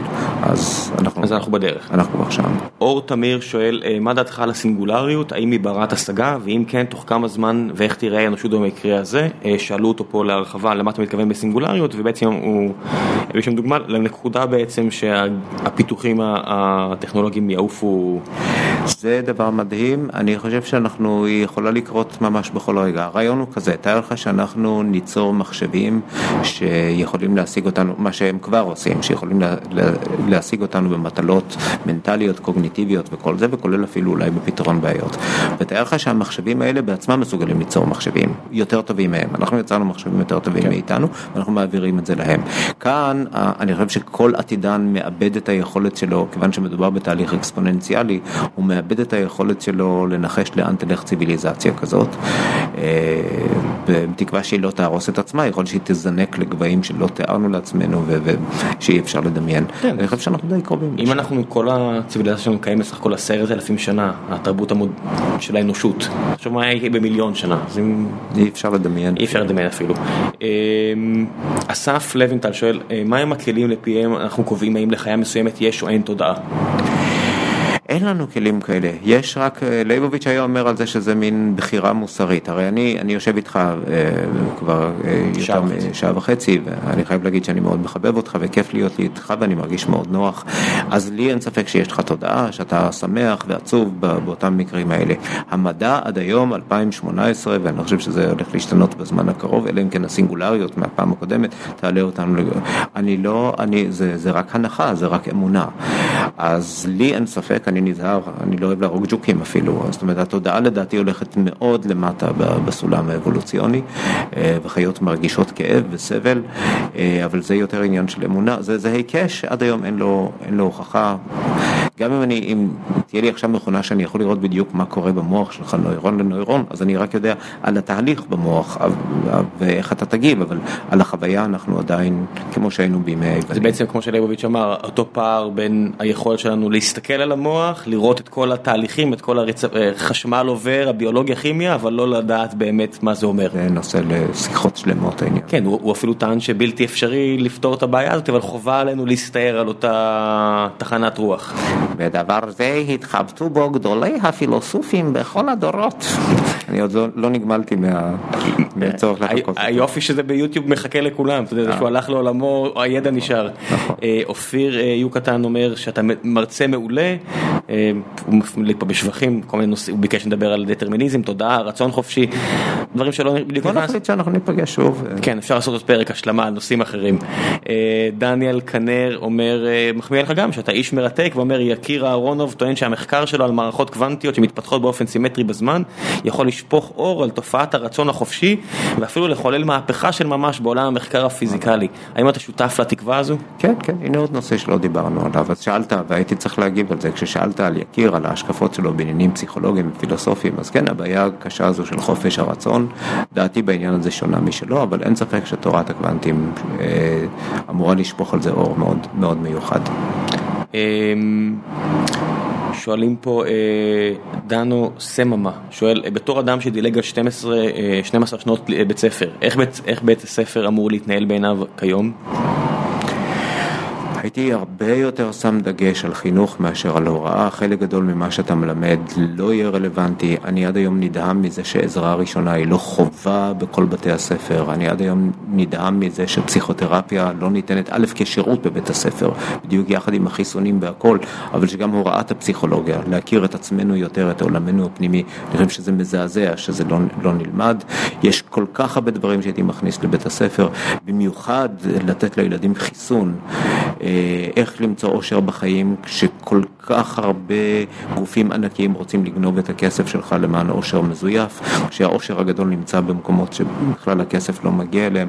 מאוד הייתי רוצה לראות סוג חינוך כזה, ובמדע הייתי מדגיש, שם את הדגש על שאלות פתוחות, על הסקרנות, על ההתלהבות, יש הרבה מה לעשות שם. איתמר אה, תכלת שואל, איך אתה לומד נושא חדש?